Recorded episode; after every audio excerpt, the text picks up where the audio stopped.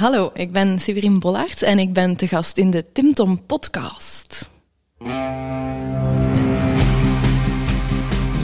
Welkom bij de Tim Tom podcast. Ik ben Timothy En ik ben Tom. Samen zijn wij jouw GPS naar geluk en succes. Dag lieve luisteraar. Ik kan me zo maar voorstellen dat je tijdens het luisteren van deze podcast plotseling zin krijgt om van alles op te schrijven. Wat zou jij nu werkelijk willen met al die inspiratie en al die inspirerende gasten? Maar dat is nogthans helemaal niet nodig. Oeh, dat is niet nodig. Hé, hey, kan ik dat niet allemaal niet onthouden? Ze? En eh, wie gaat dat opschrijven voor mij? De kaboutertjes misschien? Nee, maar dat hebben wij al voor jou gedaan. Surf naar www.timtompodcast.com en daar vind je een blog boordevol tips en wijze inzichten van onze gast. En als je er dan toch bent, download dan meteen ons gratis e-book vol boekentips, luistertips en nog meer inspiratie voor jouw persoonlijke groei. Dag lieve luisteraars en welkom bij alweer een nieuwe route van de Tim Tom podcast. En eh, hoe, is het, eh, hoe is het met je hart om? Want na vorige aflevering... Eh, ja, eh, redelijk coherent moet ik zeggen. toch zijn wel. zeker? Ik ben heel zeker. En, eh, Want volgens mij hebben we wel een expert wederom over hartcoherentie in onze podcast. ja, En ja, we zouden kunnen zeggen, wauw, dat is ook wel toevallig. Maar ja, toeval bestaat niet. toeval, het valt je toe. En ja, er was iemand na ons fantastische Tim Tom Podcast Festival. Ik kreeg niet genoeg van festivals. Ik dacht, ga de week erachter een keer naar het Magical Zen Festival. En eh, ik kwam er op het festival toe. En dat was eh, ja, de eerste die ik zag. Ik werd er naartoe getrokken, niet alleen omdat ze er oogverblindend mooi uitziet, maar ook er stond iets op paardencoaching. Ik had er al dingen over gehoord. Ik zei, ja. Ik zei, dat hebben we nog niet in onze podcast gehad. Ik zei, de die moet in onze podcast. Ja, eigenlijk eerlijkheidshalve moeten we wel zeggen, Tom, dat stond eigenlijk op onze bucketlist om nog een keer te doen. Dus dachten, oh, laten we die een keer uitnodigen voor Ja, de podcast. voor onze podcast. Dat is eigenlijk wat we ja, zeggen. Ja, dat was de intentie. Ik wil een paardencoaching en ze mag te gast zijn in onze Tim Tom podcast. Voilà. En dus heb ik, eh, ben ik vriendjes geworden met Severin en hebben wij een leuk gesprekje gehad. En ze zag dat volledig zitten. En ziezo, nu zitten we hier. Eh, Ik heb dan ook gezien paardencoaching dus, maar ook systemisch coachen en traumacoaching en hartcoherentie. En hartcoherentie, Ja, ja. ja. En eh, ja, we komen van bij Baptiste Papen de vorige week. Dus eh, ja, het is mooi. Het zal hier hard gaan. Het zal er weer hard aan toe gaan. Ik ben, eh, ben benieuwd. Dag Severin. Hallo, Welkom bij ons in de podcast. dank u wel. Dank u wel dat ik hier eh, mocht met jullie zijn vandaag. Ja, we zitten hier op een prachtige locatie Ja. in jouw praktijkruimte. eh, met zicht op de polder, ja. eh, de paardenwei. En eh, ja, we hebben er net al even in de paardenwei gestaan. Want jij hebt ons een, een coaching gegeven. Tenminste, de paarden hebben ons een lesje geleerd. En eh, ja, het was wel bijzonder. Ja, hoe was dat voor u, eh Timothée? Bedoel- ja, eh, ja, wel bijzonder eigenlijk. In die zin, eh Severin had ons een, activiteit meegegeven. Ik kreeg wat, wat biks mee, wat paardenvoer. En eh, de paarden mochten daar niet van eten. Eh, als een stukje eh, zoektocht voor mezelf van eh, welke verslavingsstukken zitten er bij mij nog waar ik af en toe last van heb. welke emoties worden er onderdrukt.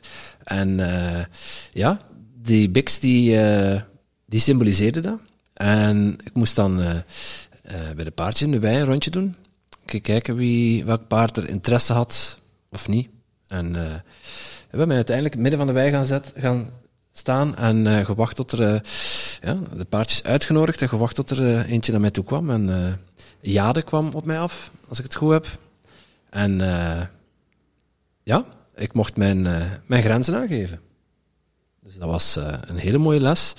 Dat ik daar toch wel al stappen in genomen heb voor mezelf. Dat ik duidelijk eh, zelf de grens kan bewaken en ja, daar ook dingen in kan toelaten. En zelf eh, eh, grip op de situatie houden. Ja, want het was boeiend ook om te zien van op een afstand. Ik kreeg een beetje medelijden met u. Ik zei, oei, zo eenzaam, al die paarden keren hun de rug toe. En stond jij er helemaal alleen in die weide middenin. Ik zei het nog tegen je vrienden. Ik zeg, krijg je precies gevoel eenzaamheid. Ah ja, en dan hebben we het aan jou even ook gezegd van, ja. Ah, en gedacht, interessant, even onderzoeken. En, eh, Ja, ik weet nog niet waar ik daarmee moet. Eh, ik voelde me niet per se eenzaam, maar eh, ik snap wel dat dat, eh, dat dat gezegd werd. Dus ook even kijken wat daar voor mij nog in zit. ja, dus ook wel mooi dan altijd te zo... Geen interesse in mij tonen, wat, wat, wilt dat, wat bedoelt dat met mij? Ja. Ja, het is ook altijd mooi dat we zo ook op kaart kunnen spelen naar elkaar toe. Hè. Uh, bij iemand anders zou ik zo zeggen, hm, zou ik dat nu wel vernoemen. Ik weet, ja, Timothy zou dat bij mij ook doen. En uh, het is om ook el- elkaar te helpen en uh, om ja, de beste of de mooiste versie van jezelf te kunnen worden. Dan is groeien en naar je stukken gaan kijken ook, onderdeel ervan, om dat maximum potentieel te gaan benutten. Ja. Uh, ik ben wel benieuwd wat het voor u gedaan heeft. En dan gaan we door naar onze gast, hè, want we zijn er al ver zes minuten. En we zijn ja, zelf aan het dan mag uh, de, de, de coach, zijn vriend, even zeggen hoe dat zij heeft ervaren natuurlijk. Uh, bij mij, bij u was het een activiteit. Ik, ik ging even de, de systemische tour op, familieopstelling, maar dan met paarden. Uh, met mijn dochter, ik kan het soms heel goed vinden met mijn dochter, maar zo wel af en toe, en, maar er zit ook regelmatig spanning. Het gevoel dat ze een beetje boven mij wilt gaan staan, zo. En dat ze niet op de juiste plaats staat. Dat voelde ik zo al ergens. En uh, ja, familieopstelling kan daarbij helpen, maar paarden, uh, familieopstelling, dacht ik, yes, dat wordt mijn intentie. Dus uh, dat heb ik dan ook gedaan. Mocht eerst een paard gaan uitkiezen. Mm, ik was aan het twijfelen tussen de kleine en de witte.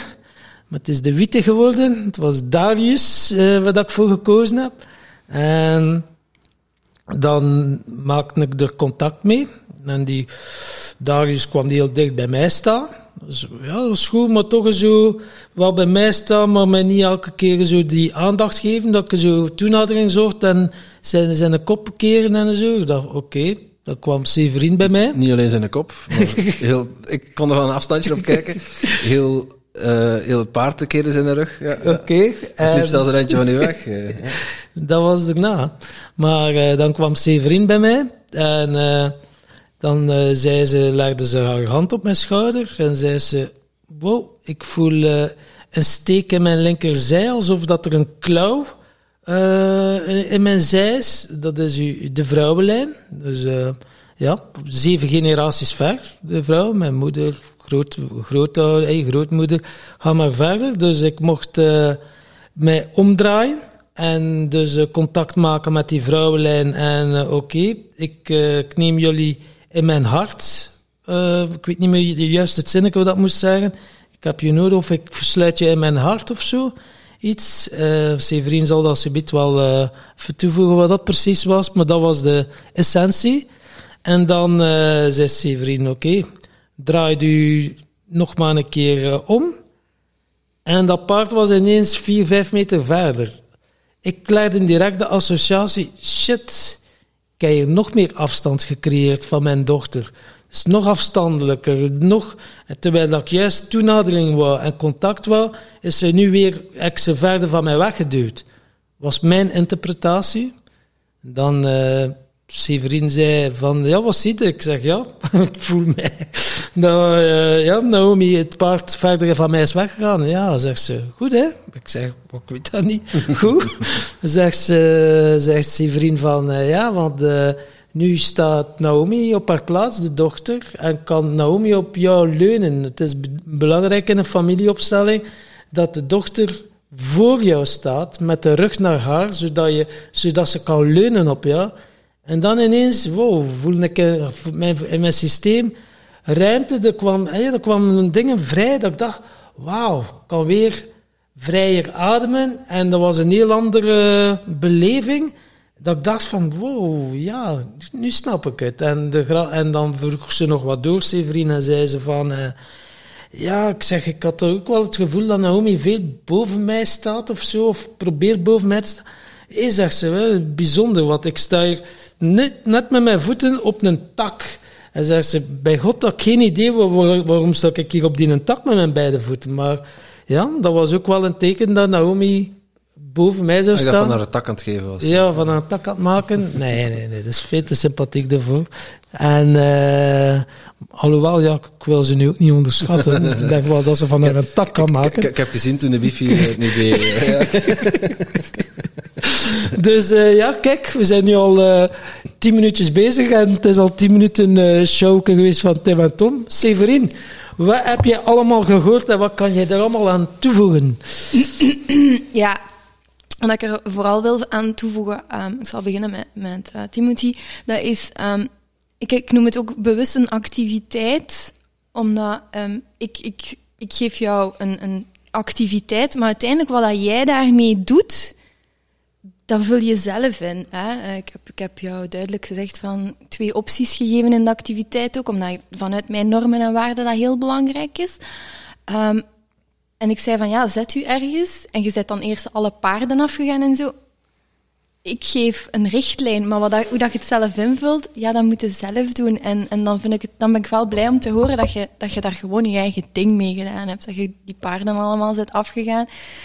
En dat je dan toch gezet hebt op die plek. En dan ja, verder zijn we, zijn we gaan praten over ja, hoe voelt dat voor jou? Wat voel je in je lichaam? Dat vind ik ook altijd. Want uiteindelijk, ons lichaam, hè, zoals we al even hebben besproken tijdens de lunch, zegt vaak veel meer dan ons brein.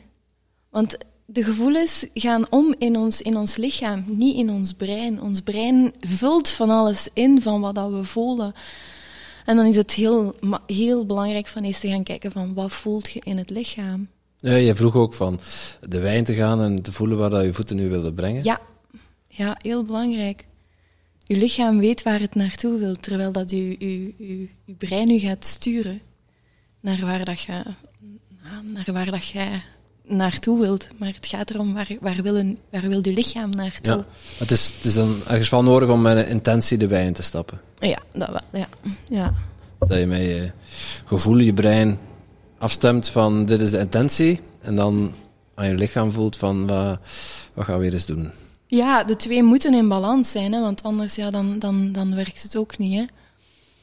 Je brein gaat niet toelaten dat je ergens naartoe gaat en je voeten helemaal laat sturen. Dat gaat ook niet. Die twee moeten wel met elkaar communiceren. Maar het gaat er om van, ga zakken.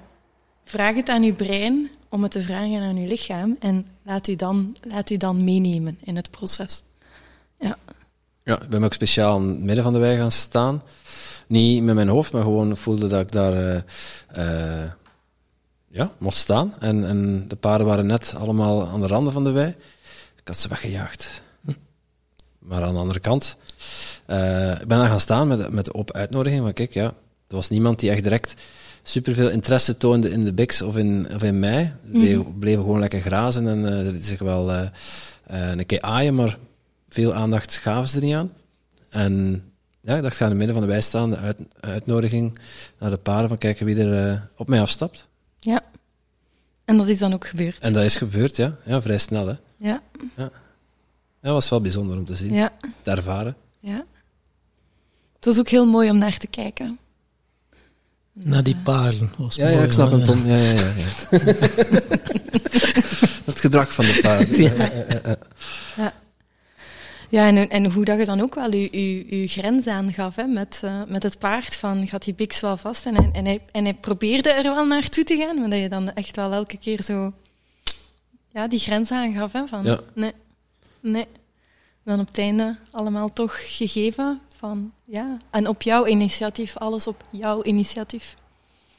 Ja, ze zijn eh, eh, braaf gebleven ook. Ik dacht, ja, het zo soms bij dieren, als je met, voeding, met, met voer afkomt, zeker met biks, daar zijn ze allemaal redelijk zot van. Mhm. Die gaan meer eh, het leven zuur maken, maar inderdaad, zelf, door zelf aan te geven van tot hier en dat is oké, eh, was dat voor die paarden ook helemaal oké. Ja. Dat was duidelijk. Ja.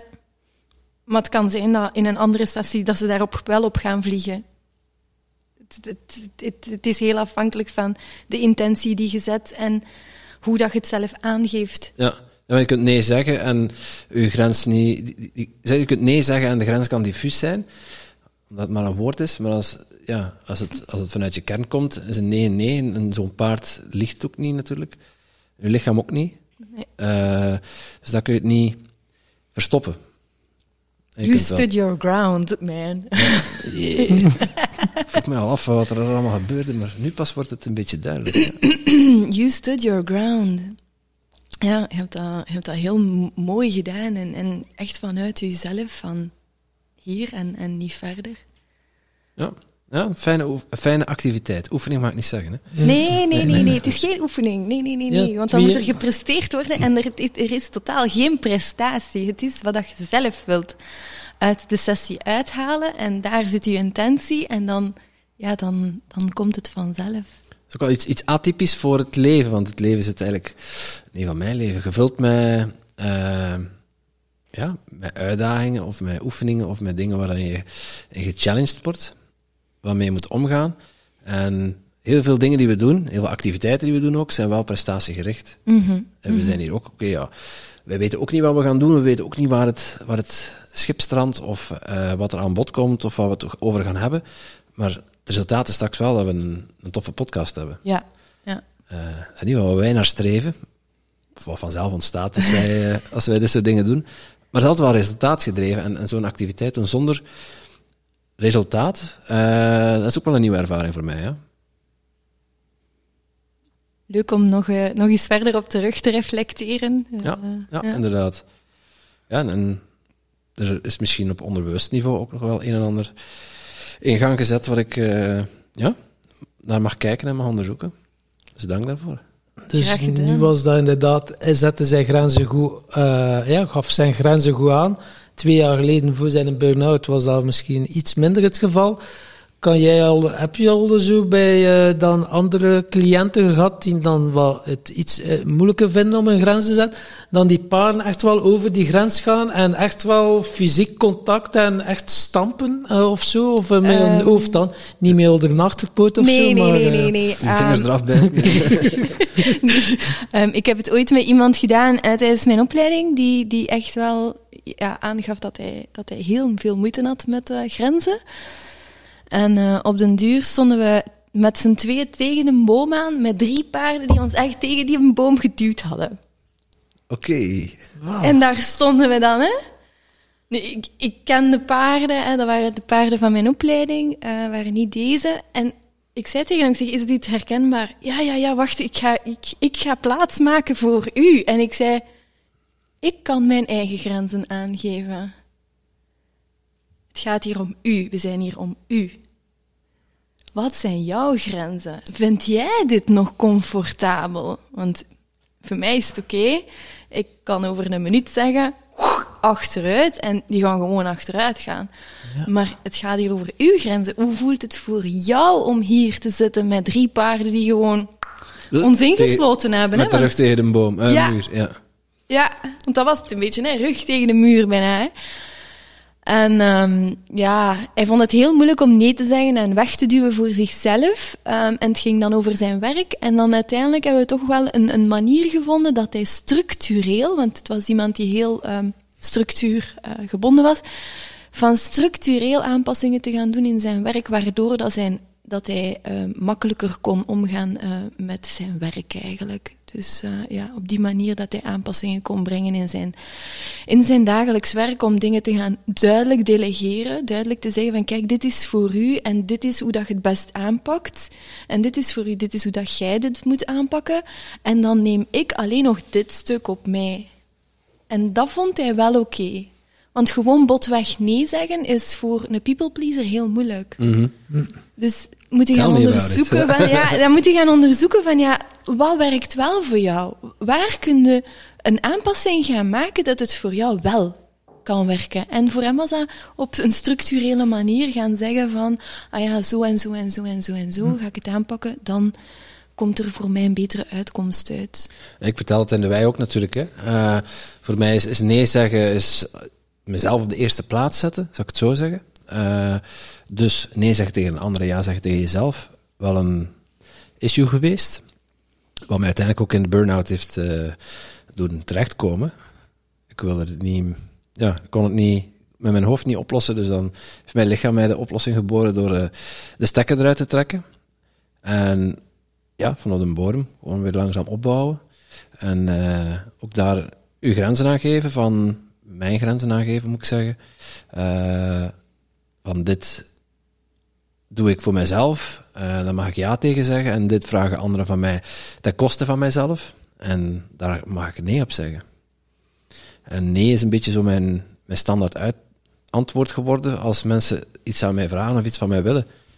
Niet dat ik dat altijd direct als een harde nee terugcommuniceer, maar voor mezelf is dat een duidelijke nee. En dat geeft mij ruimte en tijd om uh, ja, daarop in te gaan als ik, als ik er klaar voor ben. Qua werk ook, qua workload, qua hoeveelheid. Vroeger kwam alles. Ik kon ook heel veel dingen tegelijk. Ik weet ook niet hoe ik dat deed. Dus als ik erover terugdenk, dan denk ik dat is bijna onmogelijk. Maar vijf grote projecten bij elkaar draaien, dat geen enkel probleem. Terwijl ik nu gewoon, die, die projecten zijn er ook, hè. Dus ik heb de gelegenheid om terug in diezelfde valkuil te stappen. Maar door te zeggen van, ja, ik ga me nu hierop focussen en ik ga me hiermee bezighouden en al de rest moet maar zijn tijd afwachten. En de meeste dingen hebben ook wel de tijd om uh, uh, misschien ook wel wat te rijpen misschien. En uh, daardoor ontstaat er veel meer ruimte. Ja. Dus ja, qua nee zeggen. ja, fijn ook om te zien dat ik die, die stappen al gezet heb en waar ik nu sta. Ja, een soort van bevestiging. Ja, ergens wel. Ja. Ik was daar niet echt mee bewust mee bezig. Die, die sessie die heeft er wel uh, terug even onder de aandacht gebracht. Ja. Dus bij Timothy was dan een activiteit en dan bij mij was systemisch. Dus je hebt verschillende manieren hoe dat je met je paarden werkt. Dus je hebt een activiteit dat je kunt doen, systemisch. Zijn er nog manieren? Of dat zijn de twee? Dat zijn de twee voornaamste. Um, het enige wat ik ook nog doe is hartcoherentie met paarden. Um, het interessante is van mensen die niet bang zijn van paarden, want anders gaat het niet coherent geraken bij de paarden. Dat zien we dan ook weer, dat hebben we ook al uitgetest. Um, die mensen zet ik dan meestal aan de kant van de weide. En daar, dat communiceert ook met elkaar. Uh, maar hartcoherentie in de natuur of bij de paarden zorgt ervoor dat je sneller en beter coherent gaat worden. Okay. Dus een betere hartritme variabiliteit krijgt. Oké, okay, dat hartcoherentie, maar misschien is nog even... Ja. Dus de activiteit hadden we, dat was dan Timothy met zijn hulpvraag van zijn verslavingsstukken. Uh, bij mij, Tommeke niet te korten, hè? Bij mij was het dan Vertel het, het, het systemisch. Ja. Dat heeft dan familieopstelling. Mensen kennen wel het meest familie familieopstelling met representanten, maar dat was dus een familieopstelling met paarden. Ja. Zeg ik het goed? Wat heb jij met Tom gedaan?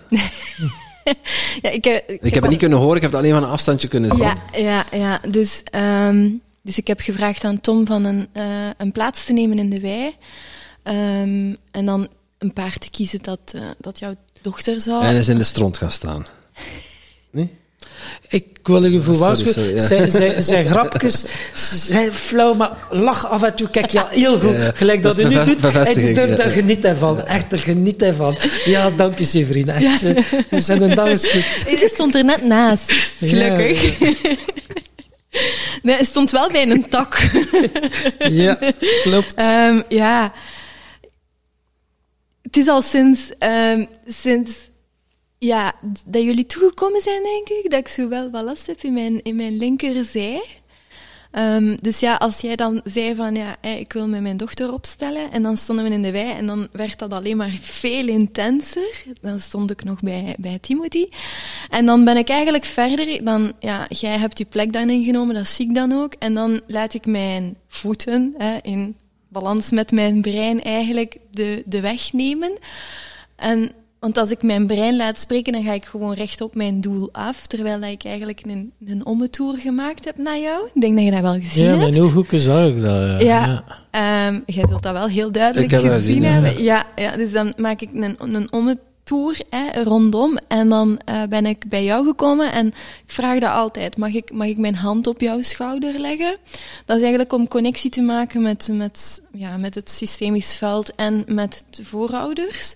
Ik neem ook altijd mijn eigen systeem mee. Dat is logisch.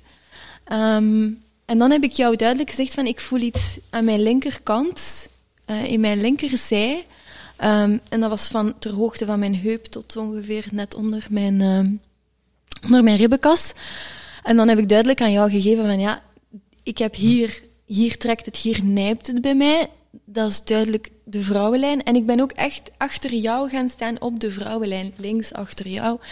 Ehm, door dan jou, mijn hand op jouw schouder te leggen, neem ik dan ook even contact met jouw systeem om dat te laten ehm, opnemen door mijn lichaam. En dan heb ik jou ook gezegd van oké, er is iets met die vrouwenlijn.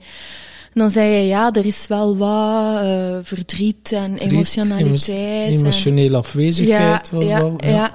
En um, dan heb ik jou gezegd van, oké, okay, um, emotionele afwezigheid, het, het, het is gesloten. Um, en dan zei je ook, ja, ze zijn er wel. Hè. Als er iets is, dan zorgzaam, zijn ze er wel. Maar, zorgzaam, maar die emotionele connectie is er niet. Mm. En dan heb ik jou gevraagd om jou om te draaien en jou even intern visueel, zoals je dat zelf het beste voelt, jou die vrouwenlijn voor te stellen. En dan, te, ja, wanneer dat je daar klaar mee was, van ja, ik zie ze, oké. Okay. Zeg nu, ik stel mijn hart open voor jullie. Ja. Ik nodig jullie uit in mijn hart, heb ik ja, gezegd. Ja, zo was het. Ja, ja, ik nodig jullie uit in mijn hart. En dan zei jij van, amai, hm. die voel ik wel binnenkomen. En dan heb je dat ook gedaan. En dan, als, als het voor jou echt ja, terug begon te, te, ja, te vloeien, denk ik, te, te stromen in jouw lichaam, dan, uh, dan hebben we de, de ommedraai gemaakt. En dan, ja, dan zei jij van, oei, nu is ze nog verder. Ja, ja, ja, dat was direct het brein dat weer over Ja, dat zo, brein dat overnam. Ja, ja, ja, ja. En dan zei ik tegen jou van, ja, maar nu staat ze wel op haar kindsplek.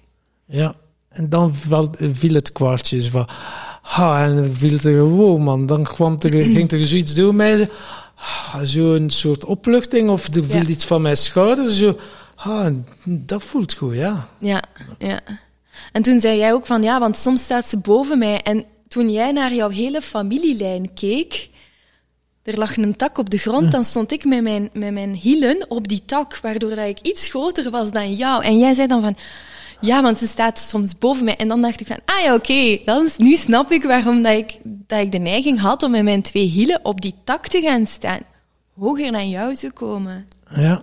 En dan als we omdraaien, ik die terug op de grond gestaan.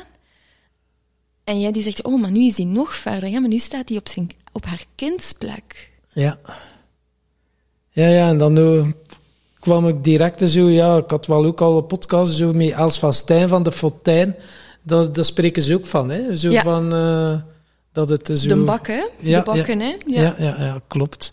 Dus ja, dat was voor mij wel... Uh, ja, een hele aparte en unieke ervaring. Voor mensen die toch wel uh, ja, systemisch voelen dat er iets niet klopt, uh, is het nu met partner, kinderen, ouders, ja, kan ik het wel aanraden. Een paard ligt nooit en dat spiegelt u perfect. En uh, dat, ja, dat is echt wel heel bijzonder. Ja, ja. Wel echt onder de indruk. Dank je wel daarvoor. Ja. Heel graag gedaan.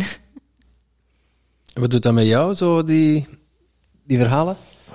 Ja, het is herkenbaar hè? tijdens de opleidingen die je doet. Uh, ja, kom je dat ook wel regelmatig tegen. En kom je jezelf ook wel regelmatig tegen. En onlangs uh, voelde ik een blokkade echt in mijn lijf uh, naar het ondernemerschap toe. En um, ja, ik vraag dan meestal tekenen van het universum. En ik zei dan, dat was al een tijdje een collega in Bornem, dus niet bij de deur natuurlijk van hieruit, maar waar dat ik zo van naar getrokken was. En ik zei tegen het universum van, kijk, luistert, als ik iets moet doen aan die blokkade, laat het mij dan weten. Stuur mij dan, um, wat was het? Uh, stuur mij dan een, uh, vlinders. En het was een mooie dag en in één keer twintig vlinders. Maar ja, het universum weet dat ik nogal duidelijke signalen nodig heb. We zullen er eentje geven, maar... Uh, nee, nee, nee. nee, nee, nee, nee gewoon twintig ineens. Severin, ja. ja, en dan uh, een week later zei ik van, oké, okay, universum, uh, moet ik dan... Uh, moet ik dan bij Zoe zijn, stuur mij dan een buizerd. En anders, als ik bij iemand anders moet zijn, stuur mij dan vlinders. En ene keer op een paal zo, bonk, een buizerd. Ik zei, oké, okay, het is duidelijk genoeg. En dan een berichtje gestuurd naar mijn collega. Waar is, waar is hier nog een buizerd? dus ja, en dan iets, ja, en dan zo heel duidelijk zo'n buizerd op, op een paal aan, aan de kant van de weg. En dan wist ik ook van, ja, oké. Okay dit is wat ik moet doen. En uh, ja, dan ben ik zelf gegaan. En uh, het was een stukje innerlijk kind dat ik nog moest, uh, moest aanvaarden van mezelf. En Ja, een uitsluiting van in mijn familielijn. Ehm, mijn grootvader is uitgesloten geweest uit, uh, uit, uit mijn leven door mijn, uh, door mijn grootmoeder en door mijn moeder. Ja. Met, met, met alle respect, de redenen waarom dat zij dat gedaan hebben. Hè? Maar ja, daardoor is er wel een exclusie in je familiesysteem en dat kan blokkades opbrengen bij jezelf. En dat is wel, ja, daardoor kun je soms niet tot je vol potentieel gaan leven. En dus ja, paardencoaching, ja, voor veel mensen die nu die de podcast horen, die weten misschien nog van het bestaan niet af. Dus het bestaat bij lieve mensen of lieve luisteraars. Uh, die fascinatie voor paarden was er al van kleins af, vertel je ons tijdens de lunch. Maar dan, ja, om dan de omslag te maken, ik ga met paarden werken, ja, dan denk je eerder aan dressuur of aan jumping of, of ik weet niet wat, uh, om prijzen te pakken. Maar dat is toch wel een heel andere benadering om met paarden te werken. Hoe is dat op je pad gekomen? Wanneer had je zoiets, ah, dat is ook mogelijk met paarden? Um, ja, ik had al wel veel gehoord over um, hypotherapie met, uh, met mensen met uh, ja, psychische problemen. Daar had ik al veel over gehoord.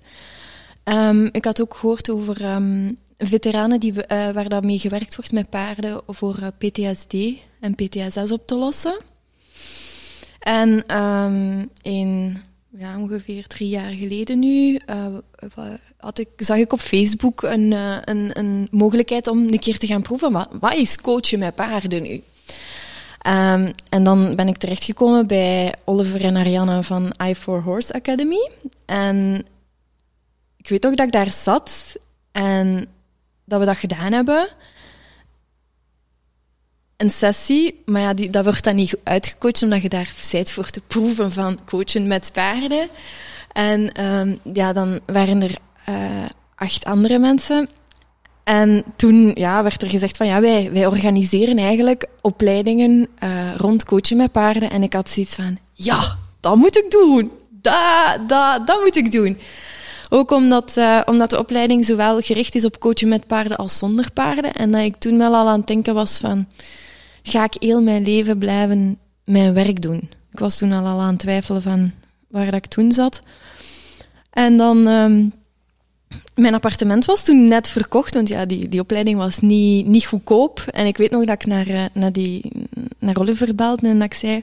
Oliver, ik heb u alle documenten ingestuurd, maar ik kan pas betalen eind september als mijn appartement verkocht is. Um, en hij zei, ah ja, het is geen probleem, want ja, de opleiding begint pas in oktober, dus dat is prima. Maar anders, ja, betaalde nu al een voorschot. Um, dan moet over twee weken betaald zijn. Ik zei, ja, maar over twee weken betaal ik gewoon heel, heel de opleiding en dan is het klaar. En dan ben ik van start gegaan. Ik had alleen nooit verwacht dat er um, zoveel in mijzelf ook ging veranderen. Uh, door, ja, door de hele opleiding die ik gevolgd heb. En alle opleidingen die daarna nog gevolgd zijn. Dat is drie jaar geleden, zeg je? Ja. Uh, waar, waar, komt dan die, die passie voor paarden vandaan? Want die was er wel al langer. Die was er veel langer, ja. ja, ja. Um, ik denk dat ik uh, zes jaar was als ik de eerste keer op een paard zat. Uh, of daarvoor, ja, op de kermis.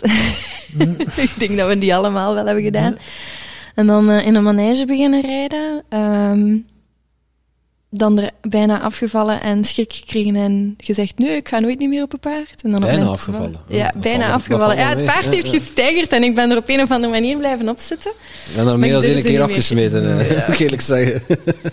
en uh, dus ja, en dan, ja, op mijn 12, ja, 10, 11 terug er begonnen. En dan uh, moeten stoppen door zware hooikoorts. Maar dat is altijd gebleven. Echt altijd gebleven. Um, en dan op mijn twintigste, rond mijn twintigste terug er begonnen, minder last van hooikoorts.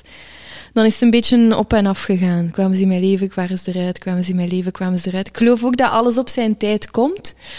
En op mijn dertigste heb ik uh, mijn eerste paard gekregen van mijn toenmalige partner. En um, ja, die heeft mij toch wel door heel donkere tijden doorgeloodst. Hmm. Dat paard neem ik dat aan. Dat paard, ja, ja, ja. ja. Ze is overleden in juni van dit jaar. Oh. Oké, okay, wauw. Ja. Maar die heeft mij door heel veel donkere periodes heen gesleurd. Dus ik ben overtuigd dat, uh, dat paarden een ontzettende kracht hebben op ons mens. Ja, wat jij vertelde natuurlijk al uh, hier uh, tijdens het voorgesprek, paarden, hè, van de, de hartcoherentie, dat dat bij ons als dat optimaal is, dat dat een rijkwijd heeft van een 3 à 4 meter. Maar bij een paard dat dat ook maal 8 is. Het hart is ook 7 keer groter of weegt 7 keer zo zwaar. Of Zeven 18 keer keer, groter ja. en tien keer zo zwaar. Tien keer, ja. Ja, ja, ja, ja, ja. Dus dat is, eh, om dan het klein bruggetje te maken, eh, hartcoherentie, wat, wat is er zo belangrijk aan? We hadden in de vorige podcast, of twee podcasts geleden met Baptiste Papen, hebben we er ook een heel stuk aan gewijd aan hart. Een oefening gedaan ook, En hè? een oefening voor die hart, ah, eh, hartcoherentie. Eh, maar ja, hoe leg jij dat uit? Hartcoherentie, waarom is dat zo belangrijk? Hartcoherentie zorgt ervoor dat je veerkracht hebt in je hart. Dus op het moment dat er iets gebeurt, waardoor dat je hartslag gaat naar omhoog gaan, gaat hartcoherentie eigenlijk je training er al voor gezorgd hebben dat je hart veerkrachtig is. Want wat er gebeurt tijdens hartcoherentietraining, ademhalingsoefening, is dat je hartslag... We hebben eigenlijk een... Ons hart slaat nooit per minuut hetzelfde. Als we dat zouden rekenen, hartslag per hartslag, is onze hartslag eigenlijk altijd anders. Dat wil zeggen dat als je inademt, gaat je hartslag naar omhoog. Dat gaat ongeveer ja, naar 85 slagen per minuut. En als je uitademt, kun je dat laten zakken naar 50. Waar- Dat is waarom dat als je langer uitademt dan inademt, dat je hartslag gaat zakken. Eigenlijk wat je gaat doen tijdens hartcoherentietraining is dat je je hart regelmatig elke ademhaling mooi de hoogte in gaat duwen en langzaam gaat uitademen en zo laag mogelijk laat komen terwijl je uitademt. En dat is wat dat ze noemen hartritmevariabiliteit, de variatie tussen in- en uitademing. En idealiter zit die tussen de 14 slagen en 35 slagen. En dat is eigenlijk wat dat zorgt dat je veerkracht hebt in je hart. Dat als je dan toch stress of een gebeurtenis hebt die heel aangrijpend is, dat je hart zoiets heeft van elke ademhaling dat wij doen tijdens ons 20 minuten oefeningen per dag, gaan wij naar omhoog, maar we zakken ook terug. Maar die 14 à 35 hartslagen, dat is de, tussen de inademing en de uitademing. Hè? Dus Ja. bijvoorbeeld, uw inademing kan bijvoorbeeld eh 85 zijn, uw uitademing is bijvoorbeeld eh 53, dan zit het juist. Dan Ja, heb dan je bijvoorbeeld twee, dan is er 32 hartslagen verschil. Ja, ja, Ja. ja, ja. Maar 14 of 20 is ook al goed. Hè? Zeker als je bijvoorbeeld een stressvolle dag hebt gehad, dan kan het zijn dat dat eens wat minder is. Hè? Maar Als je heel gestrest bent en je hart is niet coherent, of wat verslagen per minuut zitten dan tussen in- en uitademing? Oh, dan, eh, dan zit ze meestal tussen de, ja, tussen de 3 en de 7 tot, tot misschien 10, 11 op een betere moment. We zien bij mensen met burn-out bijvoorbeeld dat dat heel miniem is. Omdat die een, een, een Hoge, hoge ademhaling ademhaling hebben. hebben. Ja. En doordat je sneller in en uitademt, heeft je hart minder tijd om te kloppen tussentijds. Dat is waar. ja, En je hartslag is ook hoger. en je hartslag is gemiddeld hoger, ja. En waarom is dat per se goed of slecht voor ons? Hoe meer hartritmevariabiliteit er is, hoe meer veiligheid wordt gecommuniceerd in ons lichaam. Oké, kun je dat uitleggen? Ja. Mm. Dat heeft te maken met de nervus vagus. Dus ons... eh, Centraal zenuwstelsel. het, het, het autonoom Autonoom zenuwstelsel. zenuwstelsel, ja. Ja. Sympathicus, parasympathicus. Ja, inderdaad. En wat dat je gaat doen is, bij het inademen ga je je sympathisch systeem activeren en bij het uitademen ga je parasympathisch systeem activeren. En door die ademhaling te doen, ga je eigenlijk de balans tussen die twee gaan coördineren. Want vanuit ons bewustzijn kunnen we dat niet met ons hart rechtstreeks, maar we kunnen dat wel met onze ademhaling doen. Met onze ademhaling hebben we effect op ons hart. Vanuit ons bewustzijn hebben we dat niet. Dus met onze ademhaling gaan we eigenlijk die sympathicus activeren, om dan de parasympathicus, hè, ons gas, sympathisch, parasympathisch, rem. Ja, dus inspanning, ontspanning. eh, Inspanning, ontspanning en zorgen rust. dat die mooi in balans zit en dat er dat gecommuniceerd wordt, ondanks het feit dat je het sympathisch systeem toch gaat activeren. Sympathisch, dat is de onrust en parasympathisch is de, de rust Ja, of ja. ontspanning. Ja. Ja, ja. En dan heb je nog het, eh het dorsaal-vagaal en het ventraal-vagaal stuk. Ja, want ik zag eens in een boek liggen. eh, het triggerde mij direct, omdat ik het niet helemaal begrijp. Ik heb het woord wel al een paar keer uh, horen vallen de laatste tijd, dus ik ga het al een keer aan u vragen. De polyvagaaltheorie in Ja. therapie. 50 oefeningen voor cliënt, maar wat is de polyvagaaltheorie?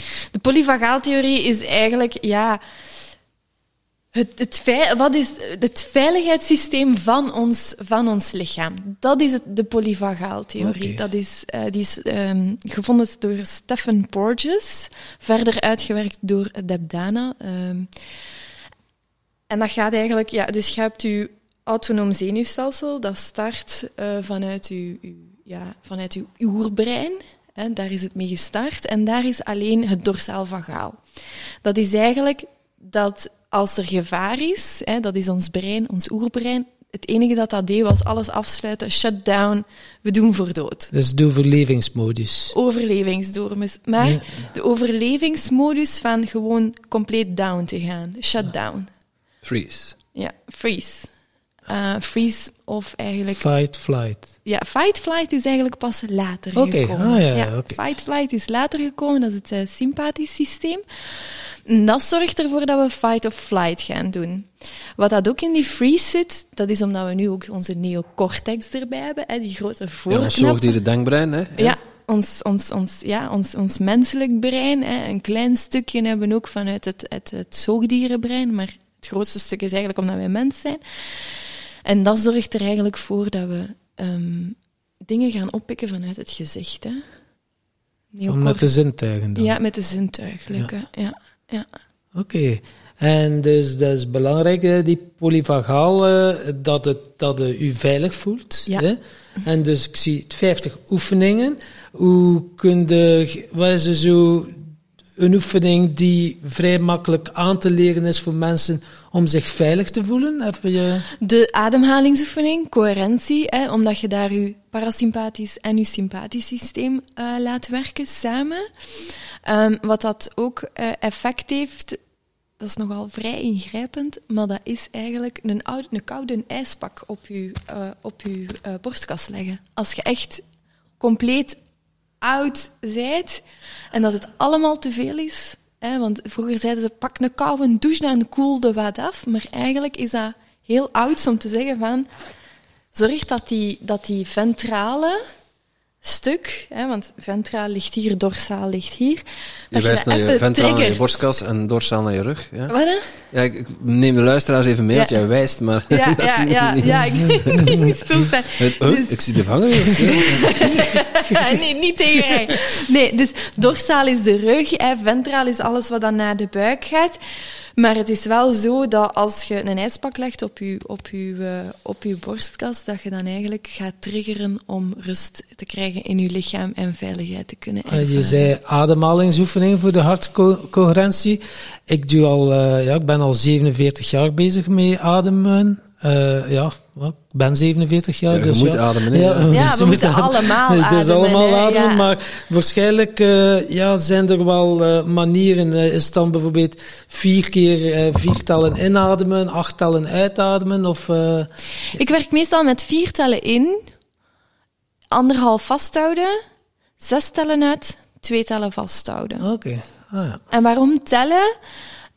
Je kunt het met de apps doen ook, hè, maar dan moet je echt gaan uitzoeken, hè, zoals we daar straks bespraken, van wat is uw eigen ritme? Als je telt, ga je automatisch je eigen ritme nemen. En, dan ga je, en je moet daarom geen klok vast hebben om de secondes te, te lezen, maar ga gewoon tellen. En dan ga je automatisch naar je eigen behoefte tellen. En naar je eigen goed voelen tellen. En dat vind, ik, dat vind ik altijd heel belangrijk, dat is dat je luistert naar je eigen lichaam. Want een app is, is, is zeker goed, hè, want ik gebruik ze zelf ook. Maar dat is pas als je echt hebt kunnen uitmaken wat dat, wat dat voor u werkt. Hoeveel ademhalingen per minuut voor u echt werken. Ja, want uw ademtempo, dus bij iedereen is dat verschillend. En de een heeft baat bij vier seconden, de andere bij drie of bij vijf of bij zes. Eh, dus je zegt, dat moet je eigenlijk zelf een beetje uitvogelen voor jezelf. Waar ga je goed op, waar voel je je ontspannen op? Ja, ja, ja, ja, ik, zei het daar straks ook al, hè, ik heb iemand, uh, ex-triatleet, vier ademhalingen per minuut. En ik heb iemand gehad die hyperventileerde en die burn-out had. En daar dat we gestart zijn aan acht ademhalingen per minuut. Dat is een groot verschil, hè? dat is een helft. Maar als ik de persoon aan vier ademhalingen liet werken met vijf ademhalingen, dan, dan voelde dat helemaal niet goed en dan werd hij kortademig. Terwijl als ik iemand, die, die, die andere dame met uh, burn-out en, uh, en hyperventilatie, zou laten ademen aan zes ademhalingen per minuut, ja, dan ging die beginnen hyperventileren, omdat dat... Ik heb te weinig adem. Dan ging die snakken naar adem. Dus het is wel belangrijk van op je, een eigen ritme um, te gaan zoeken. Ja, want je hoort meer en meer. Hè. Zo nu mensen die bezig zijn met ademhaling. Nee, ja, Wim Hof is nu wel een hele bekende, maar dan heb je ook nu de holotropic of de shamanistische ademhaling. Ja.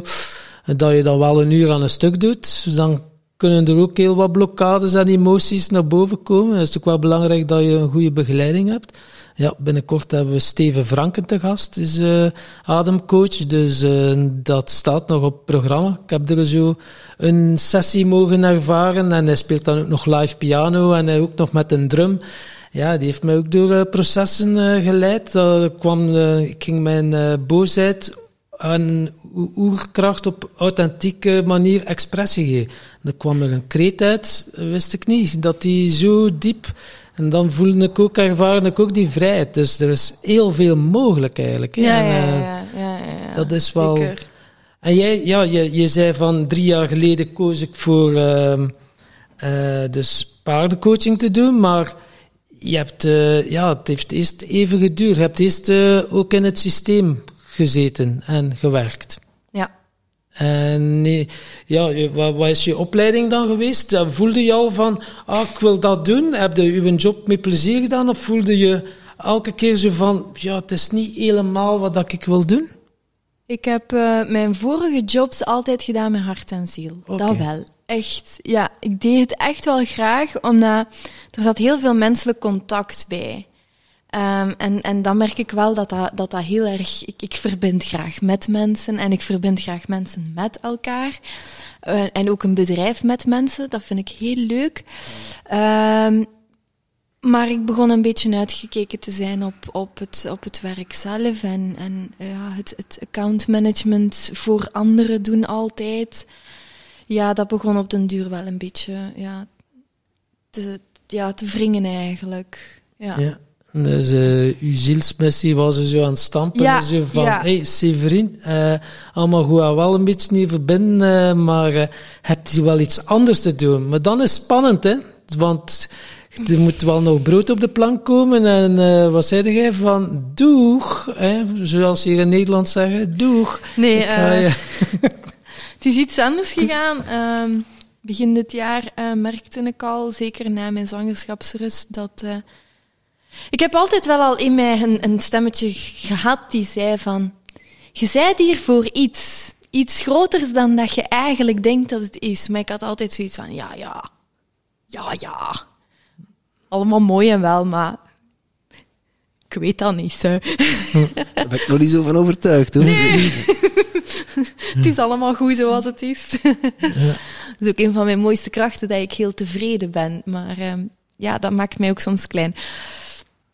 Dus ja, dan beginnen, ja, beginnen mijn weg zoeken eigenlijk. Ja, dat is moeilijk uit te leggen. Hè? Um, ja, mijn weg beginnen zoeken. En dan begin dit jaar zo aangevoeld na mijn zwangerschapsrust terug beginnen werken. Zo van, oei, is het dit wel? Een beetje uh, beginnen vastlopen met, um, met het bedrijf waar ik werkte. Over visies en dergelijke. En dan uiteindelijk hebben zij beslist om, om, om, ja, om de samenwerking stop te zetten. Was wel even slikken, vond ik. Mm -hmm. In uw zwangerschapsverlof? Nee, na mijn zwangerschapsrust. Ik was uh, vijf maanden terug toen uit zwangerschapsrust. Um, en dan heb ik mijn, uh, mijn ontslag gekregen. Ja. Oké. Okay. En dat vond ik wel uh, een moeilijke. Pittig. Een moeilijk, ja. Toch wel, ja. Ja, en hoe ga je er dan zo mee om, mee, met tegenslagen? Ja, dat is toch wel dan die moment wel een serieuze tegenslag, denk ik dan. Hoe ga je er dan mee om? Is dan ook, uh, oh ja, ik ga een beetje hardcoherentie doen, het is in orde? Of, ik was blij dat ik al mijn opleidingen al had gedaan. Dus dat ik wel zoiets had van, dat mijn bedrijf eigenlijk al opgestart was. Ja, want je was al een tijdje bezig als ja, zelfstandige. Ja, ja. Um, dus ja, en ik had zoiets van, ja, het trok wel lang aan mij om dit te gaan doen, fulltime. Um, dus ja, dan uh, gaan beginnen uitzoeken van, ja, waar heb ik recht op, waar heb ik geen recht op en dergelijke. Um, ja, bleek, uh, bleek dat ik recht had op een, op een uitkering, op een werkloosheidsuitkering. En dat gaf dan wel de ademruimte, hè, iets waar dat ik heel hard rond om, uh, om eigenlijk ja, dit, dit te gaan doen fulltime en dit te gaan verder uitbreiden. En uh, ja, ik kom heel veel mensen uh, op mijn pad nu die, die mij ondersteunen, die geloven in mij. Die soms meer geloven in mij dan ik in mijzelf soms. Dus dat is, dat is zo fijn om, om omringd te worden en, en, en, en ja, je gedragen voelen. Hè? Vanuit dat systemische weer, hè? je gedragen voelen. Hè? Dat ja. is echt wel... Ja. Uh, hoe lang is dat geleden dat je de stap hebt gemaakt van uh, naar ja, volledig ondernemerschap? Um, 20 mei heb ik mijn, uh, mijn ontslag gekregen. En dan heb ik wel even tot eind mei gezegd van... Wow, nu even alles... Ik ga nu even gewoon deconnecteren van alles. Um, nog wel wat gepost op Facebook en op Instagram, maar niet te veel. Uh, om gewoon om de dingen wat draaiende te houden, dat ik niet helemaal afwezig werd. En dan, uh, en dan eigenlijk ja, beginnen echt ja, naar bedrijven stappen, stappen nemen in het ondernemerschap. Verbinden met andere collega's, om te zien hoe dat we de samenwerking verder kunnen doen en zo. Met, met een duidelijk plan voor 2023 eigenlijk. Ja. Oké, okay, en wat is het plan voor 2023? Um, stressmanagement training geven in bedrijven. En um, mensen hier thuis uh, ontvangen voor, uh, voor hun eigen proces. En dan eigen processen, dan vooral traumagericht? Of heb je specialisaties? Ik, of, uh, ik ben uh, trauma geïnformeerd. Ik ben niet traumacoach, zou ik mij noemen, maar wel trauma geïnformeerd. En dat vind ik wel belangrijk als mensen het benauwd krijgen, dat ik dan weet van oké, okay, er, kan iets, er kan iets lichamelijk vastgezet zijn in jouw lichaam. Ik vind het ook nog altijd heel belangrijk van als ik het zelf niet kan, van mensen door te verwijzen omdat hmm. je kunt soms meer kwaad dan goed doen. Dus dat is wel heel belangrijk. Um, maar het, voor mij is het belangrijkste dat mensen ademruimte krijgen in hun lichaam en geest, want dat is wat dat je in vertrouwen brengt. Mm -hmm. en in je kracht kunnen laten staan. Zeker. Dat is uh, een hele belangrijke. En uh, ja, belangrijk is ook balans ervaren en voelen in je leven. Uh, daar begint het allemaal mee. Ja. En uh, hoe ga je om met stress? Dus ja, jij gaat nu stressmanagement in bedrijven, ja, zeker met alles wat al gebeurd is, hupplepup, dat we het niet moeten over hebben of benoemen en zo, maar uh, genoeg stress en angst, daar zorgt de media wel voor. En ja, hoe ga jij om met stress? Als je toch wel ja, stressmanagement naar bedrijven gaat gaan, dan kan ik me voorstellen, is het toch wel interessant dat jij niet als stresskip er uh, gaat rondlopen? Uh, zeker en vast niet. Ik werk aan mijn eigen ademruimte, dag per dag. Elke dag opnieuw. Uh, hardcoherentietraining doen, uh, momenten nemen van rust, momenten nemen dat ik een stap opzij zet, achteruit zet. Um, ja, dat vind ik heel belangrijk. Die... En ook heel bewust bezig zijn met dingen. Ik heb um, ik heb zelf uh, de laatste keer uh, PTSS gehad. Uh, ongeveer 15 jaar geleden nu. En ik heb nu niet bepaald de meest rooskleurige jeugd gehad, ook niet. En ik weet nog dat voor de dag dat er gebeurd is wat gebeurd is, hè, mijn mama, haar vriend, heeft thuis zelfmoord gepleegd. En mijn mama en ik hebben hem gevonden kon ik eigenlijk elke verjaardag onthouden. Je moest mij maar één keer een verjaardag zeggen en ik wist hem voor altijd. En vanaf die dag was dat opeens gedaan. Oké. Okay. Je kon mij zeggen, volgende week hebben wij een afspraak om dat uur. Ik moest dat niet noteren, ik wist dat nog. en ik moest opeens een agenda aanschaffen. Ik moest opeens alles noteren. Ik ging opeens tien keer naar mijn auto teruglopen om te zien of dat ik hem wel had gesloten had. Echt de gekste, de gekste dingen. Er was, er was een angst bekropen, of, of een, een knop in mijn lichaam opgezet die mij volledig in angst had, had, had verder geduwd eigenlijk. Dus door dat moment, dat beeld, er nog maar aan denken en pak. Ja, het, die- zat mij gewoon volledig in zijn greep. Het was Ja. zelf niet het beeld, het was echt gewoon volledig in de greep zijn van.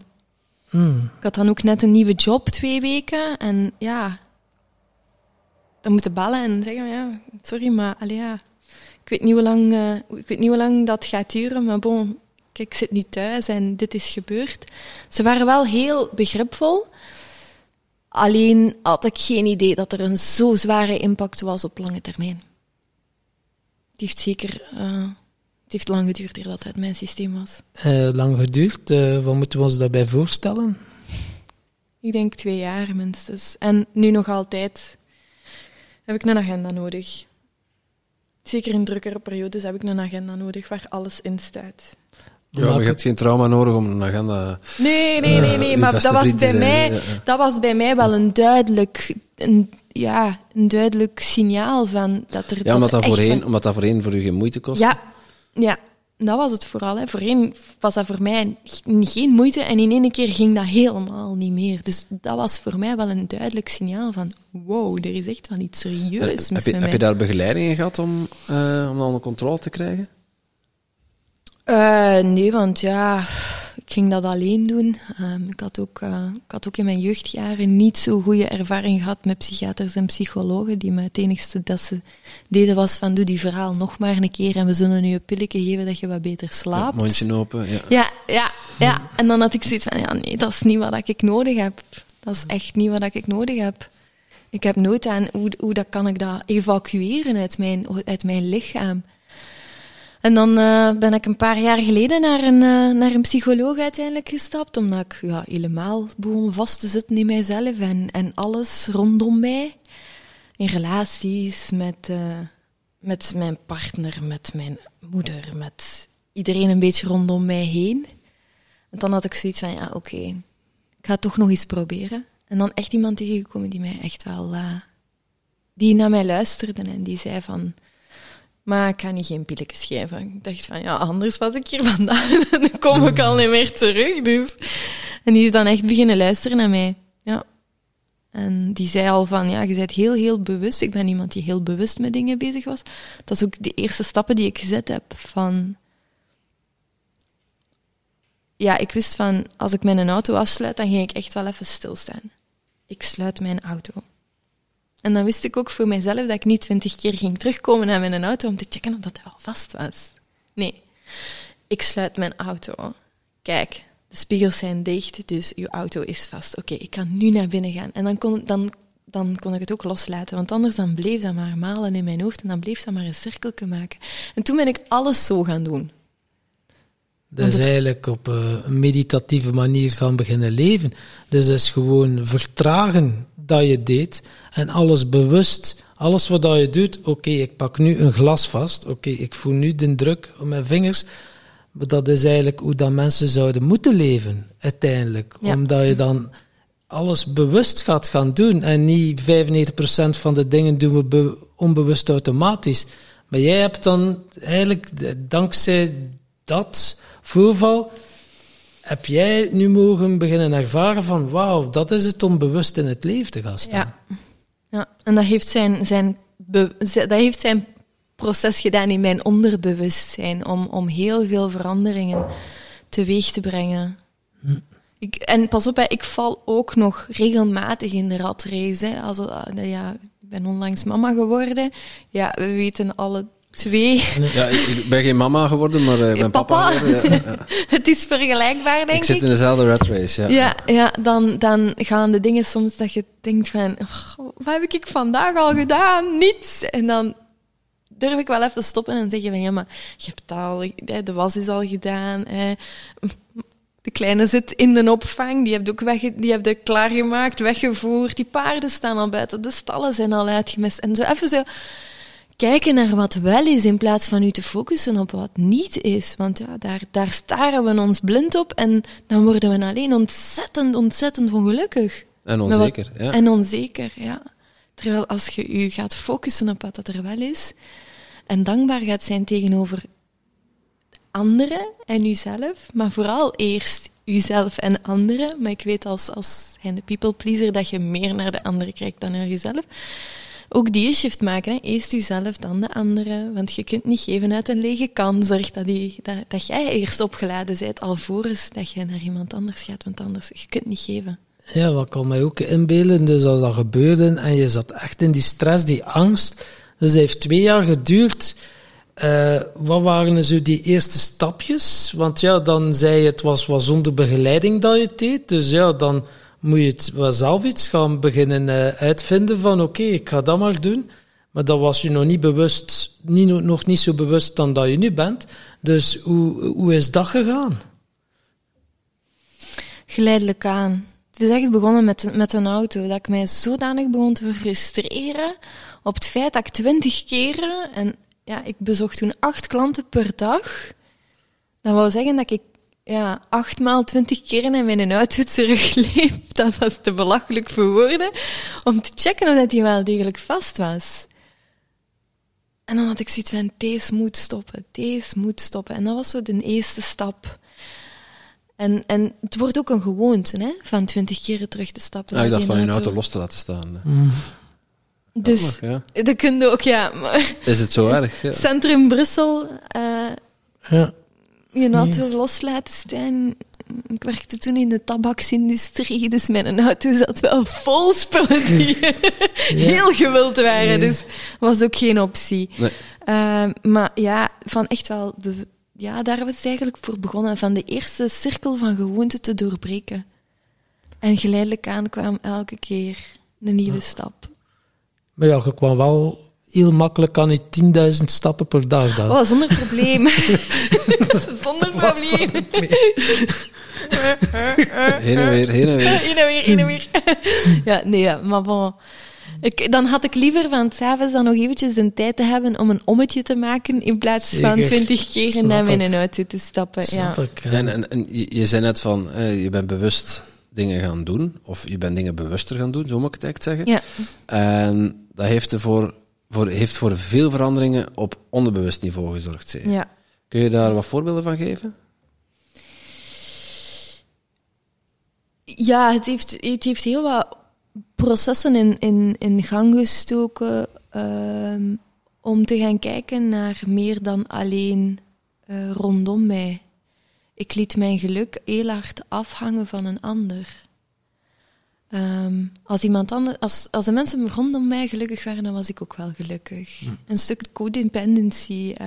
Hè. Eh, eh, mijn vader was verslaafd, was omdat hij overleden is. Ik ben, hij is gestorven toen ik 17 was. Dus ja, dat is wat ik gezien had. Hè. Zorgen voor anderen. Ik kom vanuit een, een, een heel sterke vrouwelijke lijn, maar tegelijkertijd ook wel een, een, een heel zorgende lijn voor de anderen. En zolang dat je zorgt voor een ander, moet je zelf niet voelen. Ja. Kun je blijven weglopen van je eigen gevoelens. Klopt. Totdat ze keihard in je gezicht ontploffen, natuurlijk. Hè. Ja, ik voel hem. Ja. dat Ja. is, eh, En, en door bewuster dingen te gaan doen, eh, is er daar een shift ontstaan? Of? Ja. En wat is er precies bij jou dan in je systeem gebeurd? Ja, de, de psycholoog heeft mij eigenlijk begeleid om, om verder ehm, meer en meer voor mezelf te kiezen. Om mezelf op deze plaats te zetten en dan te denken aan de anderen. Ja, maar dan gaan alle tutors en bellen af. Ja, er zit hier nog eentje. Eh, We zijn ja, er ja, maar we zijn er twee, dus eh, ja, ja, eh, dan gaat het woe, voelen. Ja, met mij was dan wel ja, verslaving om mezelf te verdoven en vluchten, dus ik heb ook wel wat dingetjes allemaal, codependency, is heel herkenbare thema's allemaal.